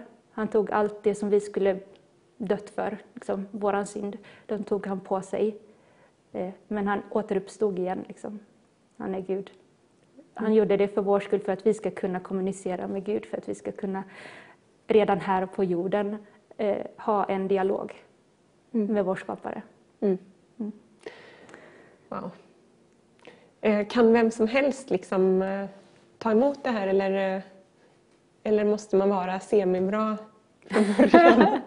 liksom en reko person. Nej, eh, även den bästa av oss har fallit. Det, det är så. Och det spelar ingen roll vad man har gjort i sitt liv. Gud finns där med öppna armar. Liksom, kom. Men hur, hur kan man, eh, hur kan man liksom få kontakt? Eh, det lättaste är att eh, bara säga till Jesus rakt ut, liksom, jag vill lära känna dig. Och sen så börjar man bläddra i Bibeln och läsa. För det är ju något speciellt med den boken. Det är ju den högsta auktoriteten som finns på jorden. Och den förändrar till det bättre. Alltså man lär känna Gud på det sättet. Man, när man läser den så tillåter man också honom att börja verka i en för att uppenbara mer. För att man ska lära känna honom mer. Wow. Vi ska ge dig eh, chansen att eh, ta en liten tid till, eh, tillsammans med Gud och eh, be den här bönen om du så vill. Eh, under tiden som vi lyssnar till en sång tillsammans så fortsätter vi med Irina efteråt. Ja, tänk att Jesus valde att eh, begränsa sig själv genom att bli född till jorden som en människa, som en bebis. Och det firar vi nu i jul. Eh, och vi är så otroligt tacksamma att han valde att göra det. Och nu sitter jag här tillsammans med Irina som berättar att eh, hon hade tagit emot Jesus, hon hade fått uppleva Guds kärlek. Men sen var det några år där, ja, där Gud hamnade lite i skymundan i hennes liv. Och då tänkte hon att ja, men Gud, Gud är nog lite arg på mig eller han vill nog sätta dit mig. Eh, eh så, här. så hon undvek honom under en, eh, under en längre tid. Men till slut så blev ångesten så stark och livet så miserabelt och ensamheten så stor att hon eh, valde att kapitulera och ge hela sitt liv till Gud. Och det, det visade sig vara ett bra beslut. Ja. Ja, och eh, så efter de här fyra dagarna eh, Hur har ditt liv förvandlats i det långa loppet? Eh, de här två sista åren då, mm. sen det här hände? Eh, det har blivit väldigt annorlunda. Eh, jag fick ju upp ögonen för att Jesus har dött för oss igen, liksom, på ett helt nytt sätt. Så jag blev faktiskt väldigt nyfiken på att läsa mer i Bibeln. Lära känna Gud bättre. Och eh, det handlade inte bara om en dag i veckan utan det var liksom alla dagar i veckan så satt jag där med snoken i boken som det hette när man konfirmerades. Liksom, och bara plöjde eh, saltaren och evangelierna och liksom breven och profeterna. Och, eh, allt för att lära känna Gud bättre. Um, och den, den våren, den perioden som följde, jag hade fortfarande en, en lite skev gudsbild eh, men hade liksom förstått att Gud är ju god. Han är ju fantastiskt god. Han, är ju, han helar människor, han sätter folk fria från tunga bördor och från, från saker som håller tillbaka en och sådär. Mm. Eh, så det, det var en, en vandring i det, liksom att förstå hur, hur stor och god Gud är. Eh, den våren så var det framförallt två saker som, eh, som började liksom landa i mig. Eh, förutom att Gud är stor och god, det är att han, han är skaparen. Han har skapat allting som vi ser, hela universum har han skapat. Vi är liksom hans skapelse, vi är älskade. Eh, änglarna är skapade, eh, djävulen och hans demoner är skapade. Gud är så mycket större. Han är skaparen. Mm. Så den, den tanken började liksom, den poletten började trilla ner. Mm. Eh, eh, Eh, det var en, en bibelvers som stod ut också som, som liksom också lite grann gick på repeat, fast inte dagligen, som poppade upp i huvudet på mig. Jag tänkte på det mycket. Att eh, den som bor i mig är större än den som bor i världen. Eh, vid det laget så hade jag ju, eh, utan att egentligen veta om det, varit väldigt rädd för mörkret och väldigt rädd för andemakter, liksom demoner och allt negativt. Jag jag hade känt av um, sådan liksom aktivitet tidigare och blivit rädd. Fast var utan det... att veta om det egentligen. Aha. Det var mer på ett undermedvetet plan. Okay. Eh, men under den våren så började jag också kunna bena ut vad är det jag känner som är mina egna känslor. Vad är det som jag känner som kommer utifrån. Eh, mm. Det som kan kallas för en feeler. Att man alltså känner av hur människor mår, om det finns änglar och demoner i närheten, eh, kan liksom skilja på det, så började liksom kunna separera eh, varför jag helt plötsligt när jag gick in i ett rum eh, blev fylld av ångest eller skräck liksom, eller mm. ilska. Eh, och när, när de här två sanningarna då att Gud är skaparen och han är så mycket större eh, än den som är i världen, när de tankarna liksom fick gifta sig på något sätt och verkligen landa i mig, så försvann rädslan för det onda. Mm. Inte respekten för, för att eh, demoner är fortfarande större och starkare än vad människor är. Mm. Men eh, jag fick liksom en, en sund, eh, vad ska jag säga, ett, ett, avstånd till det som jag inte hade haft tidigare. Mm.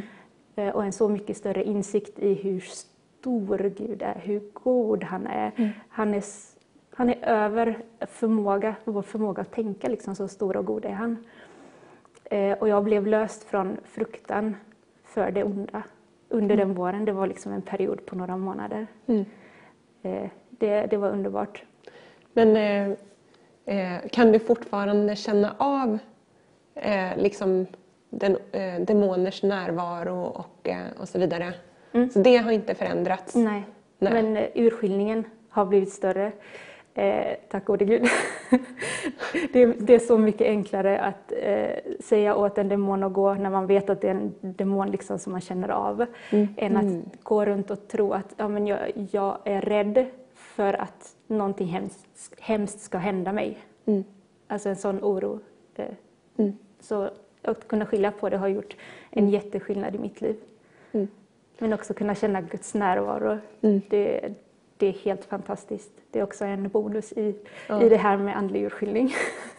Men på tal om det här andliga och spirituella. Mm. Eh, jag, jag, träffade en eh, fantastisk kvinna eh, för ett par år sedan som hade varit djupt inne i new age i eh, 12 års tid och sedan fått möta Jesus på ett eh, ja, ganska mirakulöst sätt.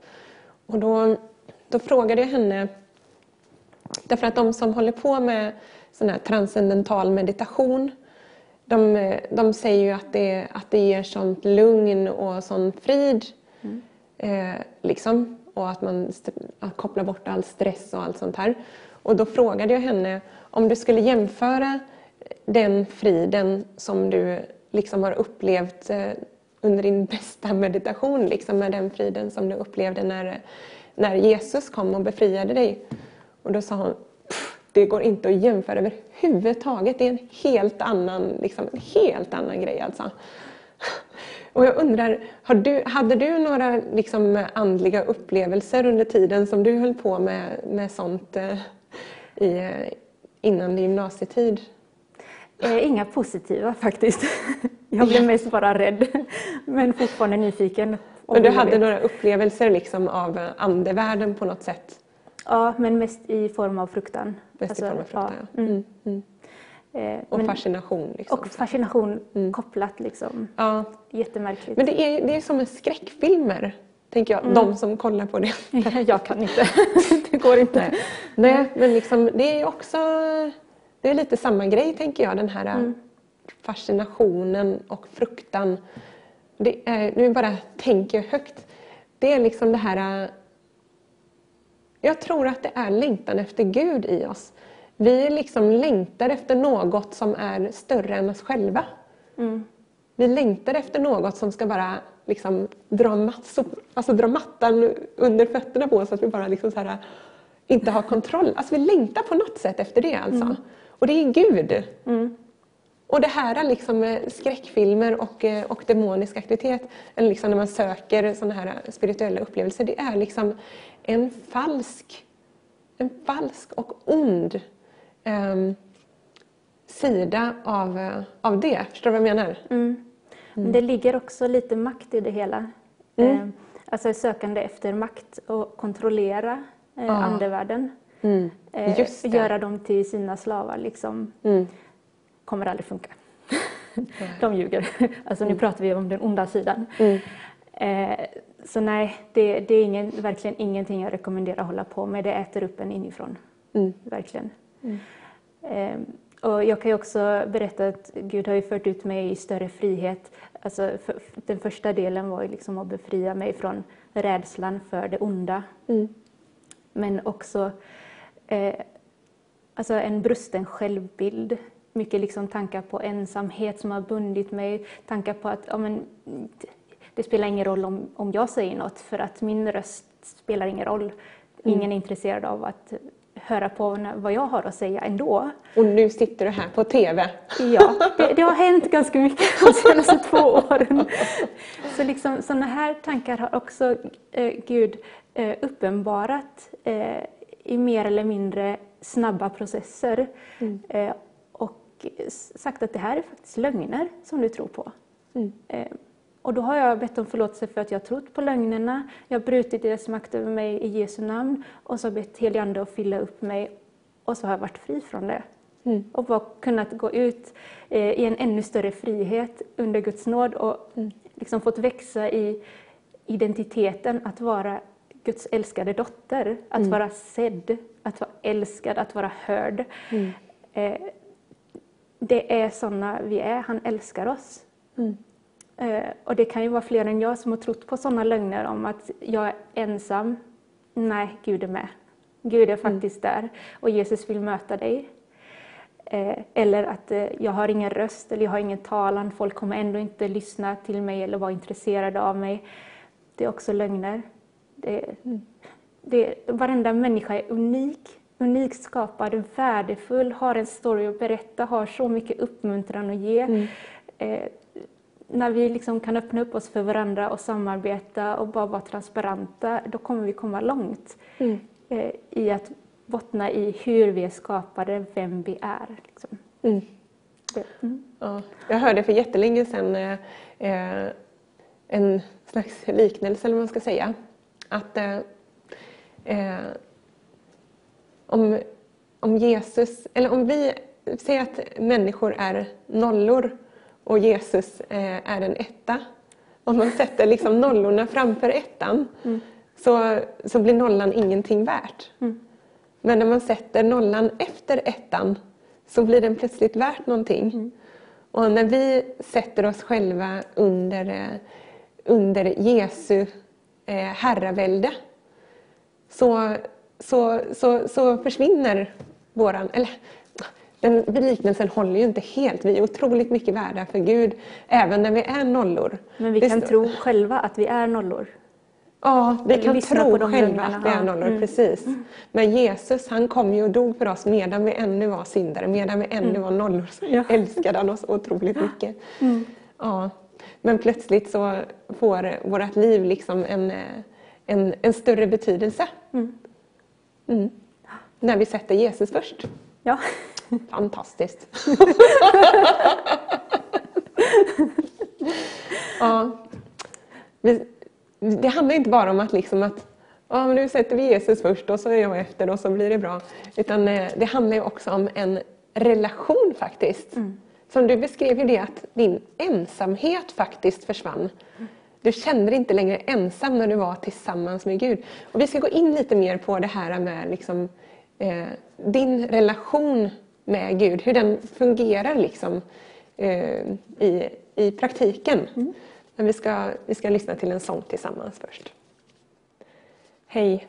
Vi sitter här och pratar om, eh, om Gud och den helige Ande och ensamhet som försvinner i Guds närvaro. Och eh, din eh, relation med Gud har ju ja, förändrats och utvecklats ganska mycket de senaste två åren sedan du verkligen liksom på nytt överlät ditt liv till honom. Eh, kan du berätta lite om hur er hur er relation ser ut? Det handlar mycket om småprat. okay, men, eh, man kan faktiskt ha en, en dialog med Gud. Eh, och det, det, vill jag betona att det är inte bara för mig. Det är för alla, alla som vill söka det. Liksom man kan ha en kontinuerlig dialog med Gud, vår skapare. Eh, och det kan se lite olika ut för olika människor. Eh, men för min del så börjar jag alltid dagen med att läsa lite i Bibeln. Och eh, helt enkelt försöka lyssna in vad, vad Gud har på sitt hjärta. Mm. För i och med att jag överlät hela mitt liv till honom så känns det ganska relevant att veta vad han har på sitt hjärta. Vad han vill att jag ska be för eller något som han tänker att jag ska kunna hjälpa till med här på jorden. Eh, eller bara att vi ska småprata, som sagt var. Mm. Ja, vilka örhängen ska jag ha på mig idag, Gud? Ja, men du ska ha på dig de här. Jag har på mig dem idag. Nu blir jag nyfiken på. Grön bärnsten, är jättefina. Ja, Klä dig. Tack. Matchar den lila Ja, men, ja, men vilka tröjor ska jag ha?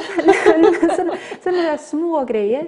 Eh, och I det så by, liksom byggs en förtrolighet upp där jag lär mig att urskilja Guds röst från mina egna tankar och från lögner som man kan tro på som bara far förbi. Eh, men det viktigaste är nog att läsa Bibeln för att lära känna Gud och för att också ha en dialog där. När jag läser Bibeln högt så kan nya saker uppenbaras fast jag har läst samma sak tio gånger. Liksom. Mm. Eh, och så kan den heliga Ande tala till oss genom Bibeln. Eh, men eh, den heliga Ande kan också tala på en mängd olika sätt, eh, vilka jag har fått smaka på av nåd. Alltså jag har inte gjort någonting för att förtjäna det. Det enda jag har gjort är att lagt ner mitt liv och så får han göra vad han vill. Liksom. Men jag har till exempelvis så poppar det upp ansikten, typ som när man dagdrömmer. man kanske tror att ja, jag, jag sitter på en skön äng just nu lite sådana där, fast typ, det poppar upp ett ansikte liksom i luften framför en och jag var okej, okay, vem är det Gud? Så börjar dialogen liksom. Vem är det? Hur vill du att jag ska be för den här personen just nu? Eh, mycket sånt händer också. Så det också. poppar upp eh, ansikten som du inte känner, eller vadå? Mm. Som jag inte känner, eller som jag känner. Aha. Ibland så eh, hör jag ett namn eh, och då kommer samma fråga, liksom, hej Gud, eh, du får min uppmärksamhet nu, vem är det här och vad ska jag be för i det här sammanhanget? Eh, det kan tilläggas också att jag har liksom förstått undan för undan och framförallt förra sommaren eh, att jag är kallad till att vara profet och förebedjare. Och då, är, då har det liksom på, på något sätt så ingår det i arbetsbeskrivningen att jag är liksom lyhörd, öronen uppe jämt eller liksom försöker att fånga upp de här små tankarna som far förbi eller ja, om jag hör någonting eller om jag ser någonting. Eh, och bara fråga Gud, vad är det här? Är det någonting som är från dig? Hur ska jag be för den här situationen? Hur vill du, vad vill du att jag ska säga in i den situationen? Eh, för ord bär kraft. Mm. Alltså, till exempel om, om man mobbar någon så är det ju verkligen det svarta ord som ja, man kastar i ansiktet på folk. Alltså. Eh, och man kan också liksom kärleksfullt bygga upp människor genom ord. Mm. Så ord bär verkligen kraft. Mm. Eh, och det har jag också fått förstå liksom att eh, det är saker som jag ibland bara ska tala ut som ligger på Guds hjärta. Mm. Över människor, över regioner, över nationer. Eh, ja, mm. så ibland övernaturligt vet jag bara någonting om en person, kanske som jag känner eller så. Okej, okay, nu vet jag det här. Vad ska jag med den här informationen till? Ja. Hej Gud, du har fått min uppmärksamhet igen. alltså, det... Så du frågar alltid Gud istället för att bara sticka iväg till den personen och ja. säga vad du vet? Ja, det är oftast inte så vist. nej, eh, utan uh, min roll i det hela uh, är för det mesta att be, uh, att liksom säga det som ligger på Guds hjärta. Um, mm. I min kammare, hemma när jag själv, ute på promenader. Um, men ibland så är det också att eh, skicka ett ord eh, av tröst, av förmaning, av uppbyggelse till framförallt sådana som jag känner ganska väl. Mm. Inte så ofta som jag går fram till folk på gatan och säger hej, uh, Gud sa det här till dig just i den här stunden. Det har inte hänt så mycket än, uh, men jag är öppen för allting. Liksom. Mm. Han, han, får göra vad han vill.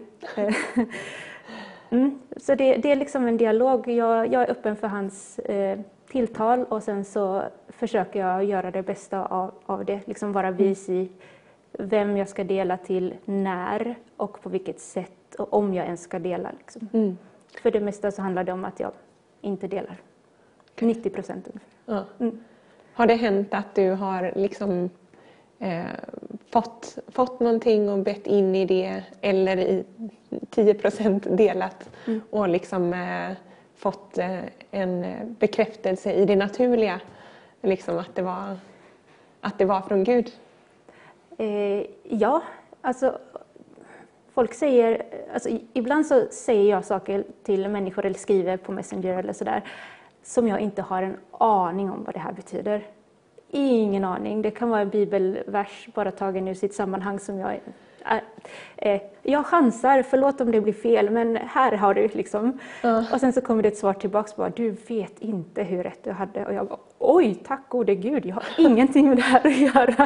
Uh. Jag bara, jag är the messenger liksom. Mm. Eh, och det är så fantastiskt häftigt att se att Gud är på riktigt. Mm. Han vill verkligen något med oss, han vill verkligen stödja mm. oss och han ser in i varenda situation. Eh, just, jag blir påminn om att du är aldrig ensam för att Gud, mm. Gud finns och han kan tala genom dina vänner, han kan tala genom en skylt på en busshållplats. Liksom. Mm. Bara liksom, vara öppen för, för Guds tilltal. De kan komma i de mest konstiga mm. former. Men här kommer vi tillbaka till det här som eh, Omid pratade om i början av programmet när han var, eh, när han var muslim. Så tyckte han att han var en väldigt bra människa och han eh, såg fram emot att få belöning från, eh, från Allah. Liksom då. Men sen så eh, fattade han att allt han hade gjort var liksom i själviskhet. Mm. Men här ser man ju så väldigt tydligt att den här gåvan som du har fått, den profetiska gåvan, den är inte till för dig själv. Mm. Det är inte du som liksom eh, Visst, du blir glad av den också för du får förmånen att bli använd av Gud. Men det är ju framförallt eh, an, för andra människors skull. Mm. Och det är det som är så fantastiskt med Gud. Mm. Att, eh, och som också Åmid var inne på, att eh, Jesus är den kungen som ger sitt liv. Mm. Han, han liksom hänger där på korset och mm. eh, öppnar upp sin famn för hela världen. Ja, och han betjänar. Liksom han, har, han sa det själv, Människosonen är inte kommit för att bli betjänad utan för att betjäna och ge sitt liv till lösen för många. Mm. Och det syns ju också på eh, Andens gåvor, de här nådegåvorna. Mm. Att det är liksom det är andra hela tiden som får eh, eh det, det, bygger upp andra. Mm. Det är ju otroligt ja. vackert. Det är så ja. upp och nervänt från det som den vanliga världen, eller den mm. världen som jag kände innan, liksom, innan jag blev kristen. Ja. Så det, det, är helt otroligt. Mm. Och det är sant. det är det bästa. Verkligen. Vi brukar ju alltid eh, be i slutet av våra sändningar och vi ska göra det även ikväll. Så skicka gärna in dina böneämnen på eh, sms eller eh, mail eller i Facebook-streamen så hoppas jag att jag kan eh, fiska upp dem eh, därifrån. Och, eh, eh, jag vill också passa på att eh, påminna om att vi har en nyårskonferens här i Vision Sverige från den första till den nionde januari, tror jag. Något sånt i alla fall. Eh, där vi kommer ha fantastiska predikanter och eh, live lovsång här i studion. Eh, och jag får se om vi kan få kontakt med Kåle igen också senare här, eller strax. Men vi, eh, annars så kommer vi att eh, be tillsammans för dig som tittare. Eh, jag vill tacka dig Irina otroligt mycket för att du har kommit hit. Eh, är det något, eh, något mer som du skulle vilja ta upp här som vi inte har pratat om än? Nej, men det, jag vill bara liksom betona eh, att, att höra Gud är till för alla. Alla kan eh, verkligen få lära känna Guds röst. Ni kan ha en dialog, du och din skapare. Eh, och det är ett helt nytt liv som väntar när man väl börjar glänta på den dörren. Mm. Tack, Tack, så jättemycket. Mm. Vi lyssnar på en lovsång tillsammans så återkommer vi med bön. Hej! Åh, tack Jesus. Här sitter jag inte själv i studion utan jag har med mig den helige Ande. Det är jag tacksam för. Eh, och nu så ska vi be. Så Gud, jag bara tackar dig för den här kvällen. Jag tackar dig för eh, eh, ditt ord, för Bibeln som, har, eh, som jag fick dela i början av sändningen. Att du eh, verkligen talade till mig genom ditt ord och utmanade mig. Och att eh, eh det som Omid sa, att eh, det som står i Bibeln det liknar inte någon annan bok utan det är eh, helt, helt speciellt och unikt. Eh, för att det talar om dig och det är utandat av dig Gud. Jag tackar dig för att eh, du som är så otroligt stor eh, ändå låter dig finnas av oss små människor här. Tackar dig för Irinas vittnesbörd om hur hennes ensamma helg blev, inte blev ensam för att du kom. Och jag tackar dig för att jag sitter här i studion, inte ensam utan tillsammans med dig. Och jag bara ber att du kommer och leder, eh, leder bönerna nu. Tack för att vi får göra det här tillsammans, du och jag. Och jag bara ber för var och en som tittar just nu. Jag ber, ber, att du kommer in i deras vardagsrum, i deras bil, i eh, deras sovrum, eh, i bussen eller tåget där de sitter just nu. Bara kom och, och fyll dem med din närvaro, din frid och din kärlek just nu. Och jag bara ber att du väcker upp var och en som ser här till att, eh, till att läsa ditt ord Tack för den helige Ande som du har utgjutit, som, eh, eh, som gör att vi kan ta emot och förstå. Ja, ta emot och känna din närvaro, din kärlek. Jag tackar dig för att vi har fått höra vittnesbörd av människor som har känt din kärlek och det är något som måste upplevas. Och jag bara ja, tackar dig för det, att du är kärlek och du eh, älskar var och en som ser och hör det här programmet just nu. Och du älskar mig också. Tack Jesus. Och jag ber att du leder, eh, leder mig när jag ber här nu så att jag får be profetiskt i, i, eh, i enlighet med, eh, med sanningen och med din Ande. Hmm. Anneli skriver hej från Kalmar, från en tacksam partner. Maggan är med från, från Mariestad.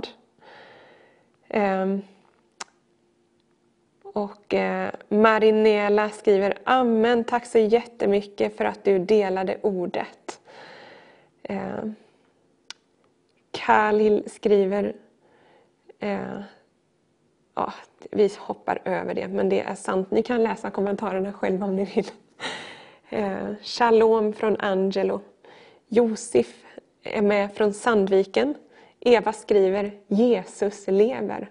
Ja, tänk dig det. Han blev född i ett stall på riktigt som en människa för 2000 år sedan. Och vet ni vad? Han lever i allra högsta grad idag.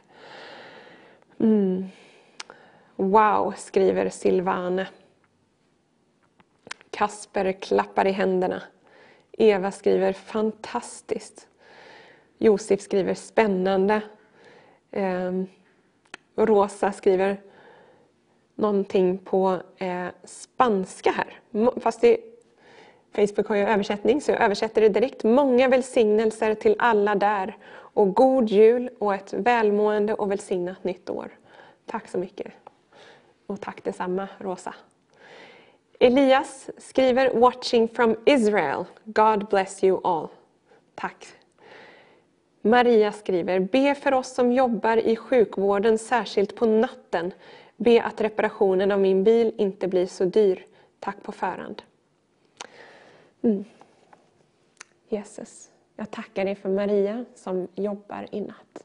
Jag tackar dig för att hon alltid hon brukar be om förbön från oss och jag tackar dig för att du hör. Jag tackar dig för att du kommer till hennes arbetsplats just nu. Jag tackar dig för att du fyller henne med, ehm, med eh, din Andes kraft. Fyll henne med kärlek.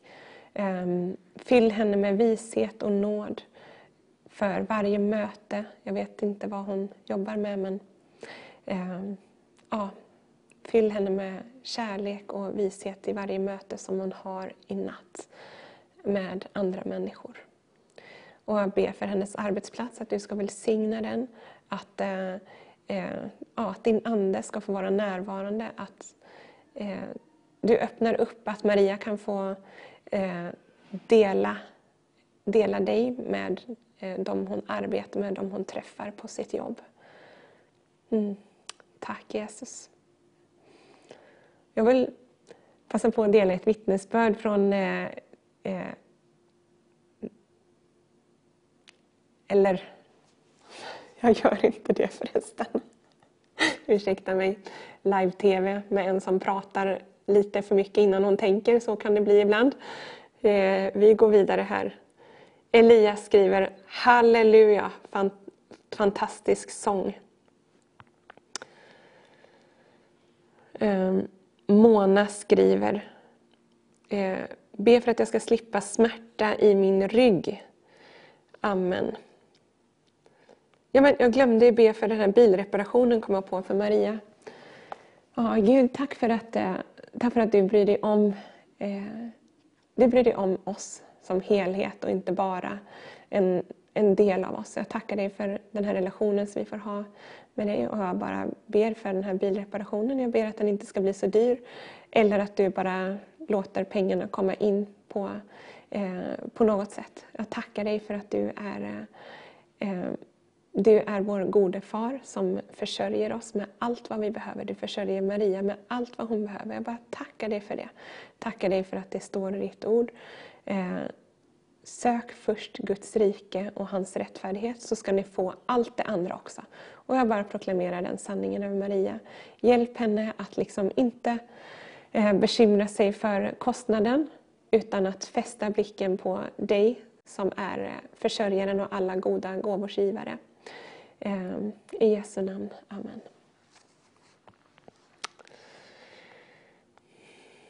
Mm. Karina då, be att jag ska slippa smärta i min rygg. Amen.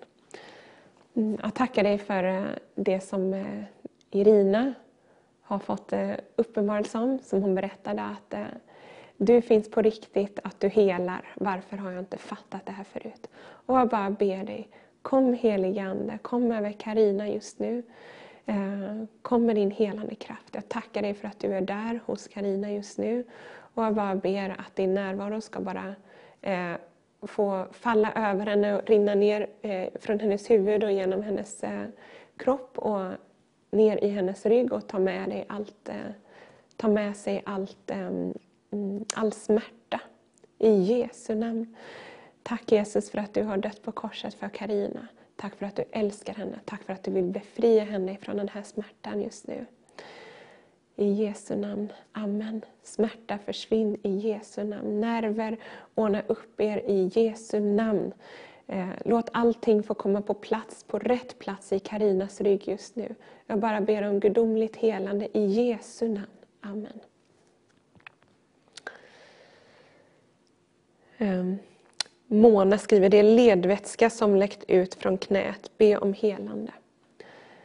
Ja, Gud, jag bara proklamerar att du är en god Gud och jag bara ber att Mona ska få uppleva din godhet just nu. i Eh, att hon bara ska få uppleva att du är god och du är ljus och inget mörker finns i dig. Eh, jag bara ber att ledvätskan ska få eh, samlas upp och återkomma i ett normalt omlopp och att den ska komma tillbaka där den hör hemma, den här ledvätskan. Det ber jag om i Jesu namn. Att du befriar Mona ifrån den här smärtan.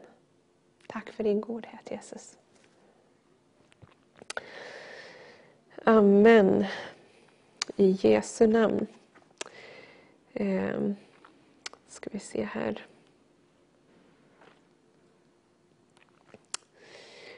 Eh,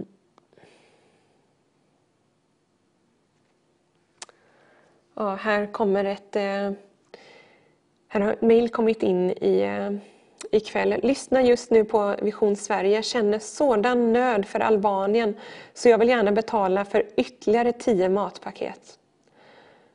Mm, men eftersom jag inte har Swish skickar jag pengarna via plusgiro ikväll. Gud välsigne er alla på Vision Sverige. Willis. Ja, Gud, jag bara tackar dig för, eh, för Willis. Jag tackar dig för det som du har verkat i hans hjärta hans hjärta är det nog, i, ehm, ikväll. Jag tackar dig för att du har, eh, du har delat med dig av din nöd för de här människorna i Albanien till Willis. Jag tackar dig för den kärleken och den nöden som han känner och för de här pengarna som ska bli till välsignelse för albanerna. Och jag vill bara tacka dig för pastor Koli och hans församling och det de står i just nu. Jag tackar dig för att de eh, de är dina händer och fötter på jorden i det som de gör just nu när de hjälper, eh, när de, hjälper de fattiga människorna och ger mat till den som ingen har. Jag bara ber om din, din glädje och välsignelse och eh, Andens kraft över, eh, över Koli och hans medarbetare. Jag bara ber om ditt gudomliga beskydd över dem Jesus. Beskydda dem ifrån sjukdom, och eh, smärta och attacker ifrån den onde i Jesu namn. Eh, och, ja, jag bara ber att de här gåvorna ska få komma i rätt tid, nästan som en eh, inte nästan som, utan de ska få komma som en skänk från ovan till var och en av de här familjerna. Jag tackar dig för samarbetet som Kåli har med, eh, med kommunen i, eh, i staden där han bor.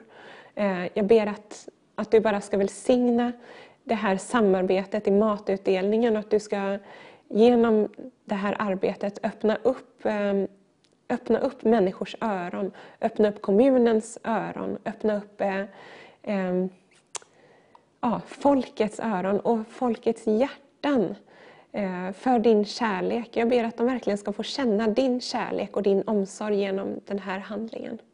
Och jag ber att eh, att vår vision om 600 matpaket ska få, eh, ska få bli verklighet. Nej, jag ber om fler än 600. Jag ber att det ska få bli med råge. För du är inte en Gud som, eh, som bara välsignar lite grann, utan du vill ge i överflöd. Så därför ber jag om eh, ett överflöd av matpaket. Jag ber, ber att fler än 600 familjer ska få ta del av, eh, av den här gåvan eh, från dig eh, genom Eh, tittarna här på Vision Sverige och genom Koli och hans församling. I Jesu namn. Amen.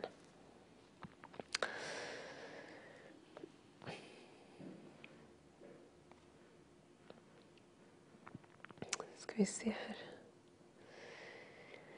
Eh, Carolina skriver, be att jag får bättre blodcirkulation och att jag får bättre sömn.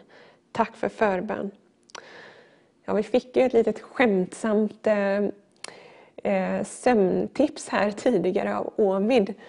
Så att eh, Carolina, om du hör detta så kan du eh, försöka få tag i Koranen. Det har eh, eh Omid eh, pa, Parsbach eh, förskrivit som sömnmedel.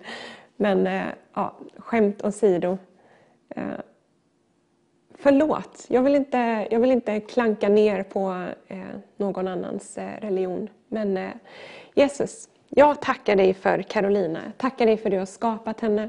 Jag tackar dig för att du har en plan för hennes liv. Jag tackar dig för att hon tillhör dig. Jesus, jag ber att du ska uppenbara för henne vad det är som orsakar dålig sömn. Och jag ber att du ger henne vishet att kunna ändra på eh, prioriteringar och eh, tankemönster. Jag ber att du bara kommer och fyller henne med, eh, med din frid och din sanning. Jag ber att du eh, manar henne till att läsa Bibeln och att din Ande verkligen uppenbarar ordet för henne. Och ja, ber att du befriar henne från sömnlösheten. I Jesu namn. Välsigna Carolina. Amen.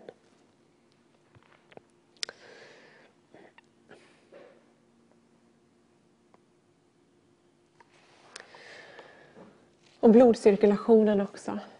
Um, ja, jag ber om en välsignad blodcirkulation för Carolina. Tack att du har skapat hennes kropp. Och jag ber att du ger henne um, ja, visar henne vad hon kan göra för att blodcirkulationen ska kunna bli bättre. Och jag bara, eh, jag bara välsignar det som du har skapat i hennes kropp. Att det ska fungera enligt planen. I Jesu namn. Amen. Bo Ekman skriver eh, Förbön för en som har svårt att gå har även njurproblem. Ber om ett Guds helande. Mm. Ja, jag ber för den här personen som har svårt att gå och som har njurproblem. Kom Gud, kom till den här personen just nu. Jag bara ber att du ska eh, återupprätta gångfunktionen eh, och hela de här njurarna Jesus. Kommer din kärlek och nåd över den här personen i Jesu namn. Amen. Tack för Bo som ber för den här personen också. Välsigna honom.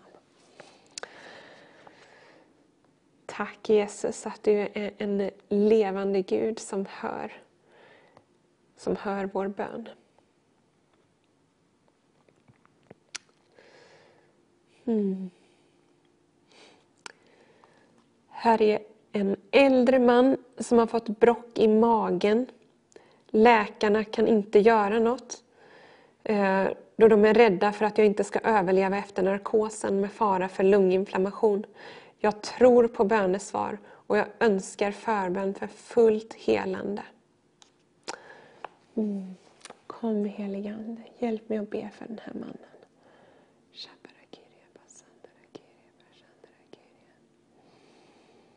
Mm. Tackar dig för den tron han har. Tack att du ser hans tro. Tack för att det står i ditt ord att eh, det räcker med tro som ett senapskorn. Tack för att han har fått uppleva bönens kraft förut att den, eh, att den är mäktig och verksam. Eh, tackar dig för att en rättfärdig människas bön är mäktig och verksam, Jesus. Och jag tackar dig för att livet inte är över för den här mannen. Jag tackar dig för att han ska än en gång få vittna om din godhet, om din helande kraft. Um, ja, Kom och bota hans brock i Jesu namn. Jag bara ber att du kommer just nu och eh, och botar honom. Tack att han ska få vittna om din godhet Jesus. Mm. I Jesu namn, Amen.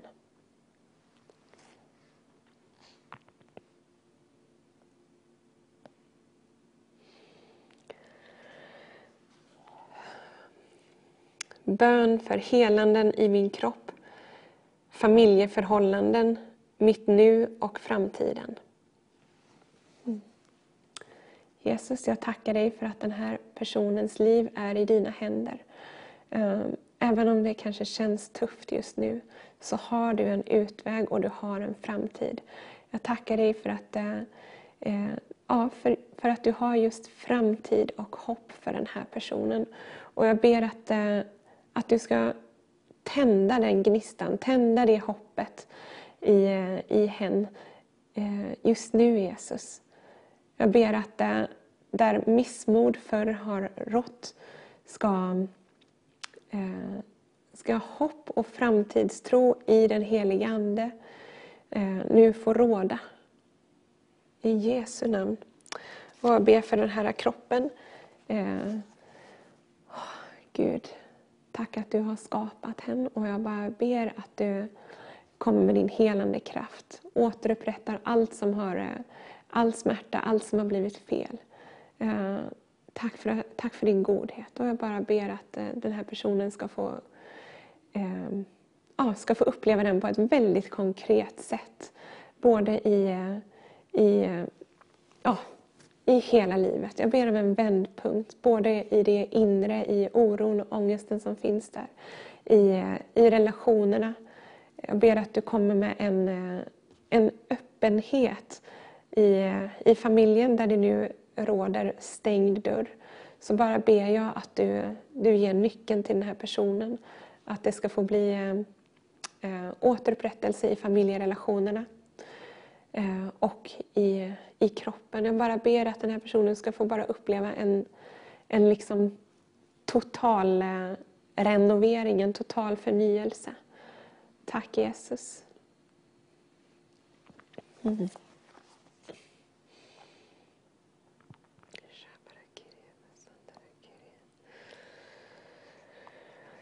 Be att min man får ett personligt möte med Jesus, ett bestående verk. Amen.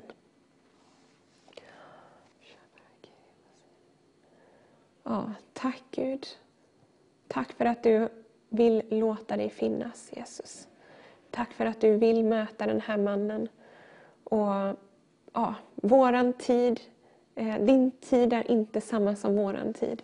Men samtidigt eh, så kan vi eh, så hör du våra böner och svarar våra böner så att, eh, eh, så att tiden kan ibland komma, eh, komma fortare. Men Gud, jag bara ber dig Ja, det där var ett krångligt resonemang, men Gud, du vet vad jag menar.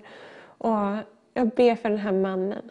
Jag ber att du ska möta honom, Jesus. Jag bara ber att det här paret ska få ha enhet i tron. Jag ber att de ska kunna läsa Bibeln tillsammans, att de ska eh, Eh, få uppmuntra varandra och eh, eh, få samtala med varandra om ditt ord. Att de ska få be tillsammans, att de ska få se mirakler i, i sin, sina egna liv och i människor runt omkring genom, genom deras böner. Herre, jag bara ber att du kommer och tänder tänder lampan Jesus. För när det är mörkt, då är det svårt att se. Och när det är mörkt andligt runt omkring och man har någon slags eh, eh, gråstarr i det andliga så är det svårt att se. Och jag bara ber att du, att du botar den här mannen ifrån andligt gråstarr, öppnar upp hans ögon så att han ska få eh, se sanningen, att han ska få se dig. Ehm, eh, och, och få ta emot dig Jesus. Jag ber att du tar honom till den punkten där han är mottaglig för dig. Och jag ber för frun att du hjälper henne att, eh, att lita på dig. Att lita på att du har kontroll.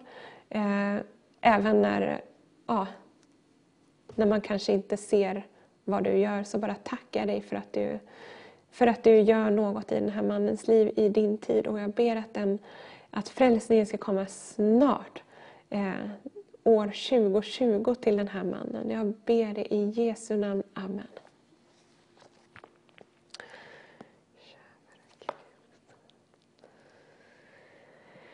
En mamma har en vuxen dotter som gått in i väggen, hamnat i psykiatrin.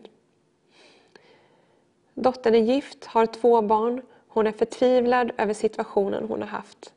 självmordstankar. Men Gud ska med kärlek komma med ett totalt helande.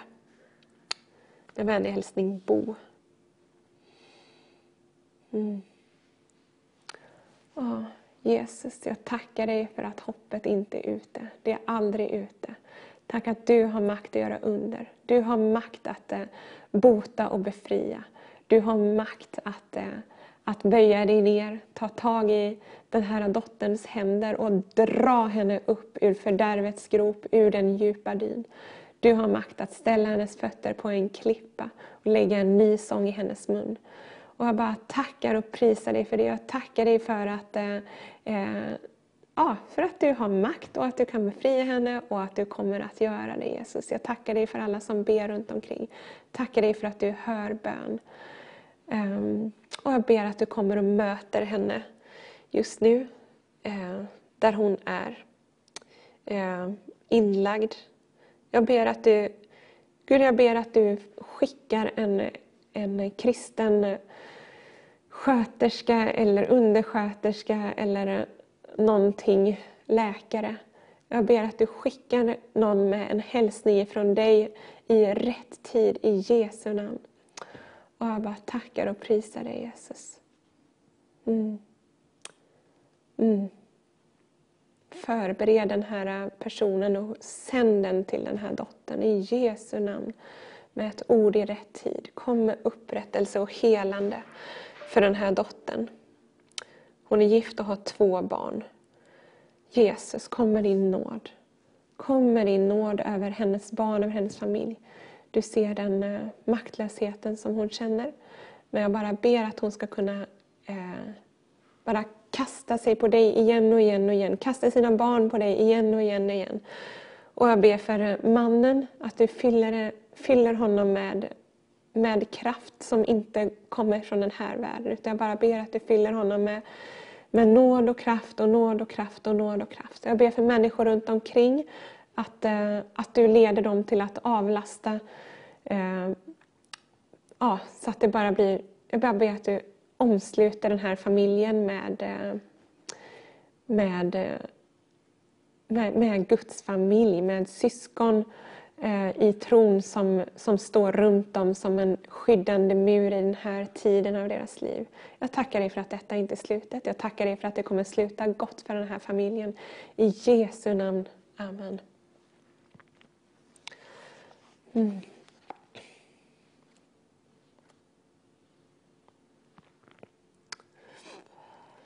Eh, be om helande för min rygg och axlar. Tack Jesus. Mm. Mm. Kom heligande. Kom och gör det som bara du kan göra i den här människans liv. Kom heligande. Mm. Fyll den här människan just nu i Jesu namn. Kom heligande. Mm. Kom och smörj din, eh, ditt läkande balsam över axlar och rygg just nu. Kom och ge, ge den här personen som, som massage. Jag bara ber att du, att, du, att du bara fyller den här personens rygg och hela kropp med, med en sån, en sån eh, avslappning just nu, att det känns nästan som massage. Mm. Tack för att du bara vill möta den här personen just nu. På ett väldigt personligt sätt. Mm. Mm. Mer heligande. Mer. Tack för det du gör Jesus. Mm. Tack för fullbordande Jesus. Tack för ett fullbordat helande nu ikväll i Jesu namn. Tack att det finns kraft i namnet Jesus. Mm.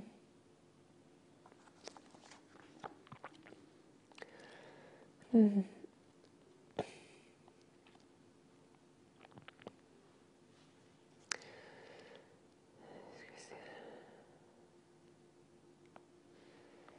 Um.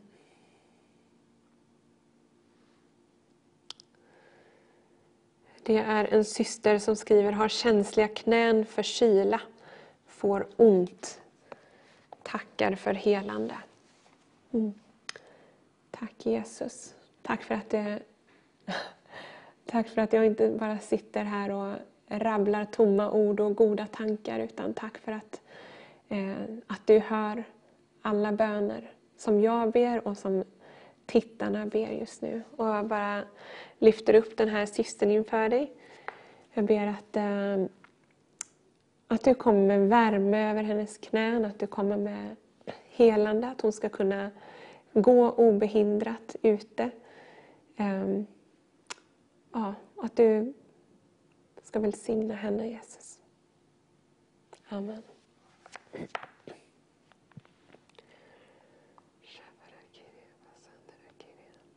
Mm. Oh, vi, eh, jag känner att eh, vi ska höra på en lovsång tillsammans så återkommer vi med mera bön efter det. Välkommen tillbaka. Jag har ett eh, bibelord här som jag, som jag skulle vilja dela med er. Så här i slutet av sändningen. Eh, för dig som var med i början så, så delade jag ett bibelord som eh, Gud talade till mig tidigare i veckan när jag kände julklappsstress. Det var ifrån eh, Lukas 12 där det stod att livet... Han, vänta nu, jag måste ta upp det. Det står, se till att ni inte... Nu börjar jag. Eh, Lukas 12, vers 15. Se till att ni aktar er för all slags girighet. Ty en människas liv består inte i att hon har överflöd på ägodelar. Och då eh, fick jag en, ett, eh, en, eh, ett bibelställe här som knyter an till, till just det här med ägodelar och materiellt välstånd. Det är i eh, Matteus 6, vers 24.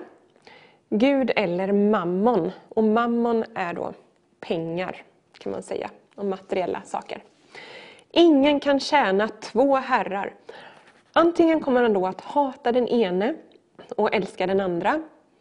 Eller kommer han att hålla sig till den ene och se ner på den andra. Ni kan inte tjäna både Gud och mammon. Därför säger jag er, gör er inte bekymmer för ert liv, vad ni ska äta eller dricka, inte heller för er kropp, vad ni ska klä er med. Är inte livet mer än maten och kroppen mer än kläderna? Alltså, när vi bekymrar oss för de här sakerna, för mat och kläder och materiella saker, när vi bekymrar oss över det, då är det som att vi, tjän att vi inte tjänar Gud. För det står så här, ni kan inte tjäna både Gud och mammon. Därför säger jag er, gör er inte bekymmer för ert liv. Så jag, vill, jag läser vidare här så att ni får hela poängen. Det gäller också julklappar såklart det här. Se på himlens fåglar. De sår inte, de skördar inte och samlar inte i lador och ändå föder er himmelske fader dem. Är inte ni värda mycket mer än dem? Vem av er kan med sitt bekymmer lägga en enda aln till sin livslängd? Och varför gör ni er bekymmer för kläder? Se på ängens liljor. Hur de växer. De arbetar inte och spinner inte. Men jag säger er att inte ens Salomo, alltså kungen i all sin prakt, var klädd som en av dem. Om nu Gud ger sådana kläder åt gräset, som idag står på ängen och imorgon kastas i ugnen, hur mycket mer ska han då inte klä er? Så lite tro ni har. Gör er därför inte bekymmer och fråga inte, vad ska vi äta eller vad ska vi dricka eh, på julafton? vad ska vi klä oss med? Efter allt detta söker hedningarna. Men er himmelske fader vet att ni behöver allt detta. Nej, sök först Guds rike och hans rättfärdighet, så ska ni få allt det andra också. Gör er alltså inte bekymmer för morgondagen. Den ska själv bära sitt bekymmer. Var dag har nog av sin egen plåga. Jag läser det sista en gång till. Och jag bara vill uppmuntra dig som eh, lider av ångest och oro för framtiden eh, så bara vill jag läsa det här. Jesus säger, gör, er, eh, gör dig inga bekymmer för morgondagen. Den ska själv bära sitt bekymmer. Var dag har nog av sin egen plåga. Du har tillräckligt där du är just nu och Jesus vill möta dig där du är just nu. Men glöm morgondagen, glöm det som ligger framför. Lita på att Gud tar hand om dig när morgondagen kommer på samma sätt som han tar hand om dig just precis nu. Ja, då ska vi se här vad vi har för böneämnen.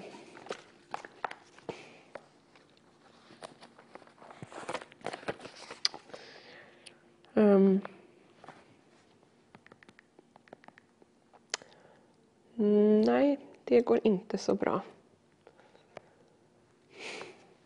Jag har lite tekniska bekymmer här. Jag tror att vi, jag tror att vi gör så här att vi, eh, vi tackar för ikväll. Jag vill tacka, tusen tack till Omid som var här tidigare, till Irina.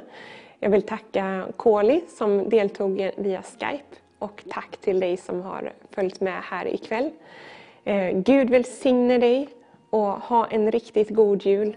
Och kom ihåg varför vi firar jul. För att Jesus kom ner till jorden för att bli ett människobarn och eh, leva ett liv för våran skull. För att öppna upp vägen till Gud genom sin död på korset. Var välsignad och ha en god jul.